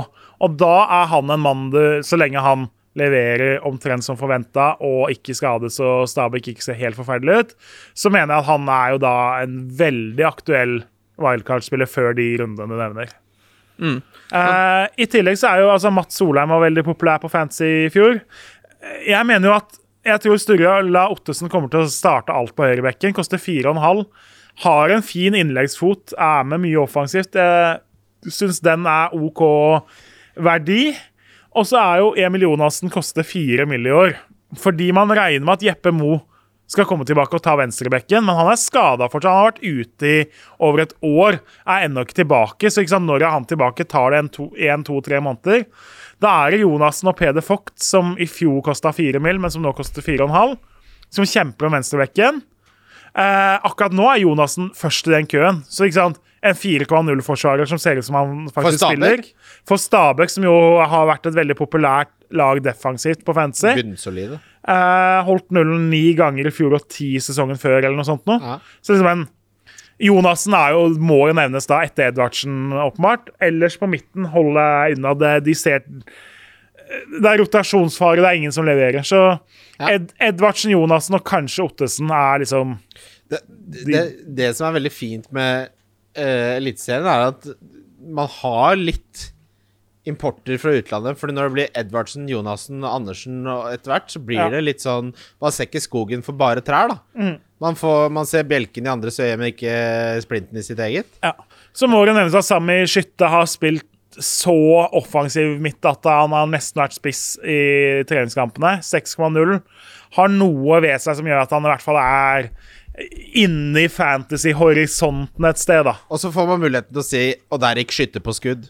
Åh, det kommer til å bli så mye tabloide overskrifter hvis han scorer at det er helt utrolig. Uh, og så skal vi til eh, Har du noe inside på Strømsgods-saken? Så var det, var det Det ble jo Det må jo bli Altså, det ble satt norgesrekord i dårlig håndtering eh, av en varslingssak der. Eh, sånne gubb, gubbgutter på klubbhuset som bare avfeide alt, kommer ut til pressen og sier 'Nå har jeg ikke noe mer å si', og så blir det filma mens de sakte går inn i klubbhuset igjen. Det er noe av det vondeste jeg har sett. Nå tok de endelig hatten sin og, og gikk, men fy flate for en det det- altså, Har vi vært vitne til en mer forhasta pressemelding? det er noe av det verste jeg har sett. Det var flaut. Det var som å se meg holde standup. Få det vekk. Ja, og så var det ikke sant, også en kaptein som tar rennafart og hopper over gjerdet for å slippe å snakke med pressen og sånn. Det var liksom det, det så ikke veldig godt planlagt ut. Alt det hele- der så jo var helt Donald. Ja, ja. Det var helt Andeby, ja, alt det sammen. var- Det var det verste jeg har sett. Ja. Fotballmessig, da. Ok, ja. Ja, nei, altså Jeg har veldig lite tro på godset i år. ikke sant? Salvesen er ute med skade hele sesongen osv. Men det er klart, altså Fosnes Hansen har vi snakka om. Han koster 4,0. Han spilte flertallet av kampene fra start i fjor. Godset defensivt er jo fryktelig lite fristende. Men hvis Emil Jonassen da ikke får spille, så er i hvert fall Fosnes Hansen en 4,0-forsvarer som kan gi deg ett eller to poeng da, fra hvis du får inn 15. mann i troppen. Så liksom for å fylle opp troppen, så er jo det et navn på blokka. Ja. Eh, ellers så sliter jeg stort med å finne noen jeg har lyst på der. Det er helt i orden, Jørgen. Da må det være en av de mange unggutta som koster 4,5 som viser at de er på laget. Sånn som eh, Kresjnik Krasjniki var jo 14 år da han debuterte i Obos-ligaen. Eh, har starta en del kamper nå i Er det lov å debutere Eh, ja. i Obos-ligaen som 14 Og Oh yes, tidenes yngste. Jeg ble, Som Hønefoss-fan ble jeg intervjua av en fransk avis som ville skrive om Quip? dette. Nei, det var ikke det. Det var noe annet. Det var nivået under. Det var Obos-ligaens eh, Men i hvert fall altså, sånn som han kan komme inn på en radar da, på 4,5 der, men eh, Tenk å sende 14-åringen sin ut i Obos-ligaen. kan du skjønne at Hønefoss befinner seg i nettopp, tredjedivisjon han nå? har nettopp oppdaga Counter-Strike. Nå skal du være indreløper, komme seg ut, Krasnik. Nå går det og dekker Nå går det og dekker, Drittsekk. dekker Ja, ja. Nei, men altså, Maigård er ute en stund med skadepotensielt, så han kan faktisk spille venstre innløper eh, for dem fra start. Johan Hove kjempepopulær i fjor, men han er nå oppgradert til 8 mil. Det er mer enn det smaker der, tror jeg. Så Null, nei. null på topp tre, Jørgen. ja, ja det er. Foss, Fossnes Hansen på tredjeplass. Jeg vil ikke ha noen på første andre Ja. Det syns jeg er helt Ja. innafor. Og vi skal til Tromsø. Jeg, de kaller det jo Nordens Paris. Jeg har ofte tenkt sånn eh, Jeg er veldig sånn sterkt knytta til juletradisjoner og forbinder det gjerne med Hamar. eh, men- Eller Ski. Jeg ser for meg, hvis jeg skulle feiret det et annet sted, Tromsø. Virker som et fint sted å feire jul, eh, Men Jørgen. problemet mitt er jo, altså i podkasten jeg er med i, Toppfotball Jeg har aldri fått så mye tilbakemeldinger på noe som helst som da jeg ymta frampå om at Nordens Paris kanskje var et halvsnålt kallenavn på Tromsø. At det er en viss forskjell på Tromsø og Paris. Men Tromsø er Jeg rått. fikk mange henvendelser både på Twitter og Facebook og SMS og diverse. På. SMS? Da begynner det å bli skummelt. ikke på Ikke brev, per uh, papir, eh, holdt på å si. Det var det eneste som mangla, stort sett. Ja. Som ville forklare meg årsaken til dette. Liksom at det var sjømenn som kom med klær og ditt og datt og sånn. Er det det som, er, er det, det som definerer Paris? Ja, ja, nei, nei, det var så, de hadde så flotte klær fordi sjømennene hadde tatt med seg hjem fra kontinentet og sånn. Og, og Ah, så er videre. Og så var det noen arkitektur og Jeg må innrømme at jeg halvhjerta leste meg opp på det. Eh, ikke Men jeg liker, Men altså, jeg, sier- jeg liker jo Tromsø. Jeg Ja. skal ikke gå i den fella du har. gått i. Tromsø er fint, men liksom det er Paris det er liksom Men Paris er en drittby uansett. Det er bare gateselger og dritt uansett. Eh, Tromsø er i hvert fall hyggelig å feire julaften i. Hvor mange julaftener har du hatt i Nei, Paris? bare, I, Eh, i sånn- mitt stille sinn så ser jeg for meg at tromsøværinger kan uh, snekre sammen en skikkelig hyggelig julefeiring. Ja, uh, Hvor tar vi det herfra? Altså, De, holdt alle de potensielle stopperne koster 4,5. Jeg tror det er fin verdi. Vangberg var pga. trynefaktoren vi snakka om på bonuspoeng. Den desidert mest åpenbare kandidaten. Han kan jo nå forsvinne. Så da kan f.eks. Helstad, Amundsen eller Gundersen være alternativer til samme pris. Jeg tror ikke en Tromsø-stopper til 4,5 er det dummeste du gjør denne sesongen. her. Jeg kommer til å gjøre dummere ting enn det. Det er jeg helt sikker på. Kitolano må jo være Eh. Altså, Kitolano, vi, nå har vi, vi har Joshua Kitolano, Vi har John, og så har vi John, og så har vi Eric. Erik er storebror. Uh, Skåret 11 mål som uh, hengende spiss i fjor. Ja, Eh, men 7,5, da. Det, ja, det er for dyrt. det er litt En for dyrt fra starten av. Og så har du sånn, ikke sant, August Mikkelsen koster 4,5 er mitt. Har, kom innpå mot Glimt, var god. Skårte og Han Fikk starte på topp mot uh, Rosenborg, men kommer til å være mest fra benken. Vi har nevnt Moses Ebie, som hvis Runar Espejord fortsetter å være skada i halvparten av kampene, sånn som han kommer til, så kommer da Moses til å være eh, mannen som skal åpne havet og lede Tromsø eller hvordan Ja. Ja. Sånn apropos eh, dumme navneordspill. Altså, han koster fem og en halv- Får du nyheten Runar Espejord er ute på ubestemt tid, eller ute i seks uker, og sånn, sånn som kommer til å komme, så kan Moses være en startende spiss til 5,5 mil som ser OK ut. De to siste lagene vi skal gå gjennom, eh, Viking er eh, på mange måter eh, denne sesongens eh, wildcard, ville jeg sagt. Eh, litt spennende det de holder på med der borte i oljebyen Stavanger, Jørgen. Ja, så har man jo hatt Først var det eh, for to år siden, så var det Butichi og for så vidt Berisha i fjor som du måtte ha inne. Hva er en ku med i det navnet, ja? Hæ? Butiki? Ja, ja. Nei, ok. ja Nei, Butichi, ki, ja. Ah, ok. Du skjønner hvem jeg mener. da. Jo, nei, men jeg bare mener Men ja, at det er eksotiske navn. Det er eksotiske navn. Eh, Samuel Fridjonsson fra dyp på midten til hengende spiss i 4-2-3 nå. Problemet er at Viking skal liksom spille litt mer, være litt sånn mer ballinnehav, litt sånn tiki taka og kontinental. Istedenfor i fjor så har det jo Vi vinner ballen. Alle løper framover. Gutter sju-taktikk. ikke sant? Alle løper mot motstanderens mål. I år så skal det liksom være litt mer spillende, og det har ikke fungert helt flott i treningskampen. Men Fridjonsson ser bra ut til 6,5. Han er det åpenbare valget her. Han er bankers. Eh, Berisha kommer til å starte alt på topp. Han koster jo 10,5, men eh, likevel. Eh, 16 mål i fjor, 7 assist, rolig 29 bonuspoeng. Så han får alltid bonuspoeng når han gjør noe offensivt. Slår ikke feil. Så det er liksom Og med tanke på starten Viking har, da. Eh, den er jo ikke kjempelett, men de har altså Brann i første, som ser forferdelig ut. Vålerenga hjemme i neste er ikke så lett, men igjen, det er ikke så mange som spiller i rundene. Så har de dobbel eh, Nei, det er det ikke. Beklager, de har Rosenborg borte i andre. Tromsø hjemme, LSK borte, Haugesund borte, Mjøndalen hjemme. Det er en del OK sjanser eh, for dem offensivt, altså. Defensivt ser det forferdelig ut, så jeg holder deg unna Viking defensivt før, det, før de viser noe helt annet enn de har vist eh, hele oppkjøringa. De har jo henta en eh, gammel, eh, gammel luring på fantasy, Kevin Cabran.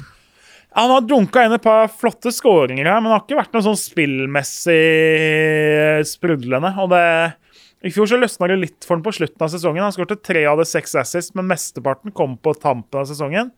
Men ja, altså, koster 8,5. da. Fridjonsson koster to mil mindre. Ja, Det, det er en lett vurdering hvem av de to du skal ha. Så skal vi til eh, Kim sitt favorittlag, eh, Oslo Stolthet. Eh, vi, skal litt på Intility, Kim. Ja, vi snakka litt om. Få oss rett og slett begynne å selge ballball i Oslo. Ja, det er jo litt vanskelig for meg, for jeg har jo sesongkort, så må, da må du kjøpe billett inn dit. Men det fikser vi. Vi klarer å få deg inn der. Det må være noen markedsfolk der som Ja, kjenner sin besøkelsestid. Uh, Fancy-messig, Jørgen. uh, dette er jo en av liksom favorittene. Her er det mye spennende. Ja, Vi endte vel opp med Dønnem og Borchgrevink som nummer én og tre på must have liksom, på laget sitt. Ha, Så hvem hvem blir nummer to? Ja, eller, ja, men det var av, av alle lagene. Ja. Ikke sant? Eh, med Eikrem som eh, nummer to. Ja, ok, men jeg mener Hvem men blir nummer to på Vålerenga, da? Eh, hvis du Ikke sant? Ja, Det blir Borchgrevink. Ja. jeg, Det blir nummer tre. ja, hvis du skal gå liksom på dobbel Vålerenga offensivt, så er jo spørsmålet ikke sant Lajoni eller Ørn Kjartansson først og fremst, kanskje. Men det er også jeg har, dyreste. jeg har Borg, Borchgrevink, Dønnum og Kjartansson som Kjartansson er iskald. Ja. Han er iskald. Vålerenga vant 6-1 i dag. Kjartansson null mål. Han, har sett, han, har, han brenner sjanser om dagen nå, som han vanligvis eh, pleier å sette. Jeg hadde ikke turt å starte sesongen. Skal man kjøre med Ade Også hør, altså I fjor var, var en, han bomma to straffer, vel? En eller to straffer da han kom tilbake. Ikke sant? Så Han starta jo helt sjukt de første kampene, hat trick mot Brann Ja. videre. Alle så henta han inn! Alle henta han inn. Og ikke sant, det viktige momentet han er ikke på straffe lenger. Det er Dønnum som tar straffene for Vålerenga. Eh, så eneste som taler for Kjartansson over f.eks. Ajoni der, er at utvalget er tynnere på spissplass. Så at det kanskje liksom en premiumspiss er mer fristende enn enda en premie midtbane. Kanskje. Men jeg mener jo at Leone, og så har du sant, Bjørdal på 8,5 og Sarawi til 8, som Jeg også synes- er Jeg syns Bjørdal er mer spennende til 8-5 Ja. enn Lajuni til 10-5. Jeg syns ikke Lajuni har liksom imponert så fryktelig i det jeg har sett av han i Vålerenga så langt. Altså. Nei, jeg, jeg er litt enig. Bjørdal var jo veldig god av, da han kom i høst. Ja, veldig god. Eh, og ikke sant, han, hadde, han rakk åtte målpoeng på den relativt korte perioden han var i klubben. da. Mm. Eh, så, så ja, jeg er enig at eh, Er det et lag jeg kan se for meg at jeg har tre spillere over lengre perioder, så tror jeg mer at det er Vålerenga i år enn noen av de andre antatte topplagene. Også fordi elveren er mye mer satt. Bjørdal Ok, du har Christensen som skal inn litt overalt. altså Bjørdal kommer til å starte 25 kamper. Eh, mens i Molde så har du ikke sant, folk som spiller 12-13-14 kamper før starta eh, på samme pris. da. Så, så litt enig i deg. Jeg tror ikke jeg vil gå dobbel Vålerenga bakover, for det er mer offensivt jeg føler verdien er på Vålerenga der. Men det må jo nevnes at uh, Brage Skaret til 4,5 er tredjevalg på stoppeplass. Har fått en del tid i oppkjøringa. Gjort det ganske bra. Skåra i dag. Uh, ikke sant? Han er tredjevalget. Så hvis da for eksempel At Tollås uh, Nation kan bli skada, får en det kan skade igjen, det kan fort skje, så er jo det i hvert fall et alternativ å vurdere, da, ved siden av Borchgrevink. Ok, folkens. Eh, dette er den grundigste gjennomgangen av eh, en liga i fantasy-sammenheng som noensinne er gjennomført. Med, med det Med det i baksetet så skal vi nå velge ut uh, en tropp på 15. Eh, og nå, vi, vi, nå har vi tatt resonnementene, Jørgen. Vi begynner på keeperplass. Hvem Er det Hansen og Stopple? Stopple er åpenbart som 4,0-alternativet. Eh, jeg har André Hansen. Eh. Og fordi de har dobbeltrunde i runde tre, rett og slett. Rett og slett. Eh, uten det så hadde jeg heller gått på uh, Claesson eller den som Bodø-Glimt Vi går for. Stopple og Hansen. Yes. Det, ditt første valg er Christian Borchgrevink. Borchgrevink kommer til å stå uh, hele sesongen, ser jeg for meg. Han, sånn som han trodde man skulle gjøre med Trent uh, i FPL Ja. i år. Klink. Hvem er det, nummer to på uh, forsvarsplassen? Ja, nå står jeg jo veldig dyrt pga. sånn som runden er, men nå står jeg med Dahl Reitan, er den som er nest har som nummer to på laget mitt. Ja. Stian Gregersen nummer tre og Fredrik Bjørkan nummer fire. Så rolige seks mil på keeper og fire forsvarere til seks mil også, pga. kampprogrammet. Du, du sa Dahl Reitan, Bjørkan og Stian Gregersen. Gregersen. Eh, Holmgren Pedersen ble akkurat en halv mil for dyr og er skadeusikker. Så endte jeg med Simen Wangberg akkurat nå på 4,5 som femtevalget. Hva med Fosnes Hansen der, da? Ja, De spiller jo ikke de to første rundene. Ja, men på benkspiller? Ja, men jeg har allerede valgt en død eh, spiss, på en måte, okay. og en litt eh, halvshady på midten, så det, det må balanseres med en som Men klart, blir Wangberg solgt så, og ikke spiller to første runder, så går jeg trolig for en annen Tromsø-stopper isteden, tipper er, jeg. ok, det er der du eh, ønsker deg. På midtbaneplass så er Dønnum er, er Wolf eller Dønne nummer én? Dønnum er nummer én. Wolf er skadeusikker akkurat nå. Ja. Det gjør at Molde-midtbanen kjennes veldig uforutsigbar ut. Eh, så, så Dønnum er det. Jeg har faktisk ingen inne på Molde, fra Molde utenom Gregersen akkurat nå. Det kjennes litt utrygt, men Så du, du går utenfor Wolf på elveren? Ja, nå er ser det jo ut som han misser de første Ja, rundene. Så da. Ja, så må Skal du ha to millioner i banken, da? Nei, jeg klarte han fint å bruke opp de penga. Skal du wildcarde for å få inn Wolf? jeg har 30 mill. på de fem som starter på keeperplass og i Ja, forsvar, ja, det- så de penga har Ok, Så da er det Dønnum, Fridjo- Fridjonsson og Og så har jeg endt opp med å være litt kjedelig på Saltnes. 10,5, men uh, altså At du våger. Uh, Gikk for den. Uh, fant at da må jeg kompensere med å være litt sjanseprega på Rosenborg off isteden, og gikk for Vecchia. Uh, I stedet for fordi han koster en mill. bi- mindre enn Islamovic osv. Mm. Også endte jeg opp med da Hopmark som femtemann på midten. Fire og en halv kommer til å spille begge kamper i 90 meter. Eh, må da Så ikke sant Jeg står jo litt med problemet at jeg må ha Wangberg eller Hopmark fort eh, inn på banen. Eh, eller For da har du de fem på midten, ikke sant? Ja, altså du, Vi har Saltnes, Fridjonsson, eh, Dønnum, Vecchia og Hopmark. Yes. Endte opp med Veton Berisha på topp. Koster det samme som Islamovic, men da med Vecchia inne så har jeg brukt opp tre Rosenborg-spots. Eh, Berisha møter Brann i første kamp. Det er, jeg ser, altså Brann ser såpass svak ut at Viking kan skåre altså, jeg, jeg tror de skårer to, tre, fire mål i den kampen. Berisha, sånn, hvis han holder seg skadefri, så kan du nesten ha han sesongen ut. Jo, jo, og det, det var bare, ikke sant OK, Dino har dobbeltrunde runde tre, så det er litt den usikkerheten. Men eh, jeg hadde, endte med Berisha. Eh, Moses EBE, som vi snakka om, fem og en halv. Fordi budsjettet begynner å ta slutt, og man må liksom uh, Ikke Heggebø? Uh, Han koster en halv mil mer, så Ja. da går ikke kabalen opp. Okay. Eh, Moses kan Espejord har stått over de siste kampene. Moses kan komme til å starte for Tromsø. Så derfor eh, en fyr som i hvert fall får minutter inne, da. Da gjenstår det Sistemann. fire og en halv til siste spissen. Det er helt korrekt, og det ble Simen Hammershaug fra Strømsgodset. Fordi alle elsker jo å ha en angrepsspiller fra Godset som i best fall får noen innhopp som indreløper. Hvem vil ikke ha det? Eh, nei, altså, det, det jeg, jeg ser ikke for meg at jeg skal fylle opp tre Strømsgodset-plasser på laget mitt i løpet av sesongen, da. Så da blei det han istedenfor uh, de andre der. Altså Ja. Eh, Haugesund og Tromsø og KBK kan man finne på liksom ville ha flere inne noen runder. Potensielt mye større potensial for å ville ha tre av de òg, selv om det kjennes utenkelig, enn Godset. Så, Så da spiller Simen du Hammers- Wangberg foran EBE og spiller en 5-4-1? altså, så akkurat nå så blir jo vurderinga om jeg skal ha Fordi ikke sant, da har jeg jo fire forsvarere, fire midten og én på topp som skal starte. Ja. Og så er det spørsmålet om det er Wangberg, Hopmark eller EBE som blir den man kjører som sistemann, da. Hvem er kaptein, hvem er visekaptein? Uh, første runde så tror jeg jeg ender på altså Det står for meg mellom Dønnum og Berisha. Tror jeg lander på Berisha fordi de har tross alt Brann hjemme. Vålerenga har Rosenborg hjemme, så derfor blir det Berisha som er kaptein i første runde. Faen, I runde to så er det Dønnum. Da har han Ja. bortematch mot Brann. Det lukter fort han, da.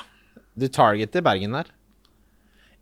Altså, noen standpunkt må du ta i fantasy òg, da. Ja. Så det Brann blir det laget jeg kommer til å spille mot, ikke med, i fantasy. Ja, eh, Kim, det er din oppgave å notere ned alle spådommene til Jørgen fra denne episoden. Eh, sånn at neste gang så skal vi først gå gjennom absolutt alle, og så skal vi spille inn en ny. Nå har vi tatt en redegjørelse, en gjennomgang, som er eh, noe av det grundigere jeg har gjort i mitt voksne liv.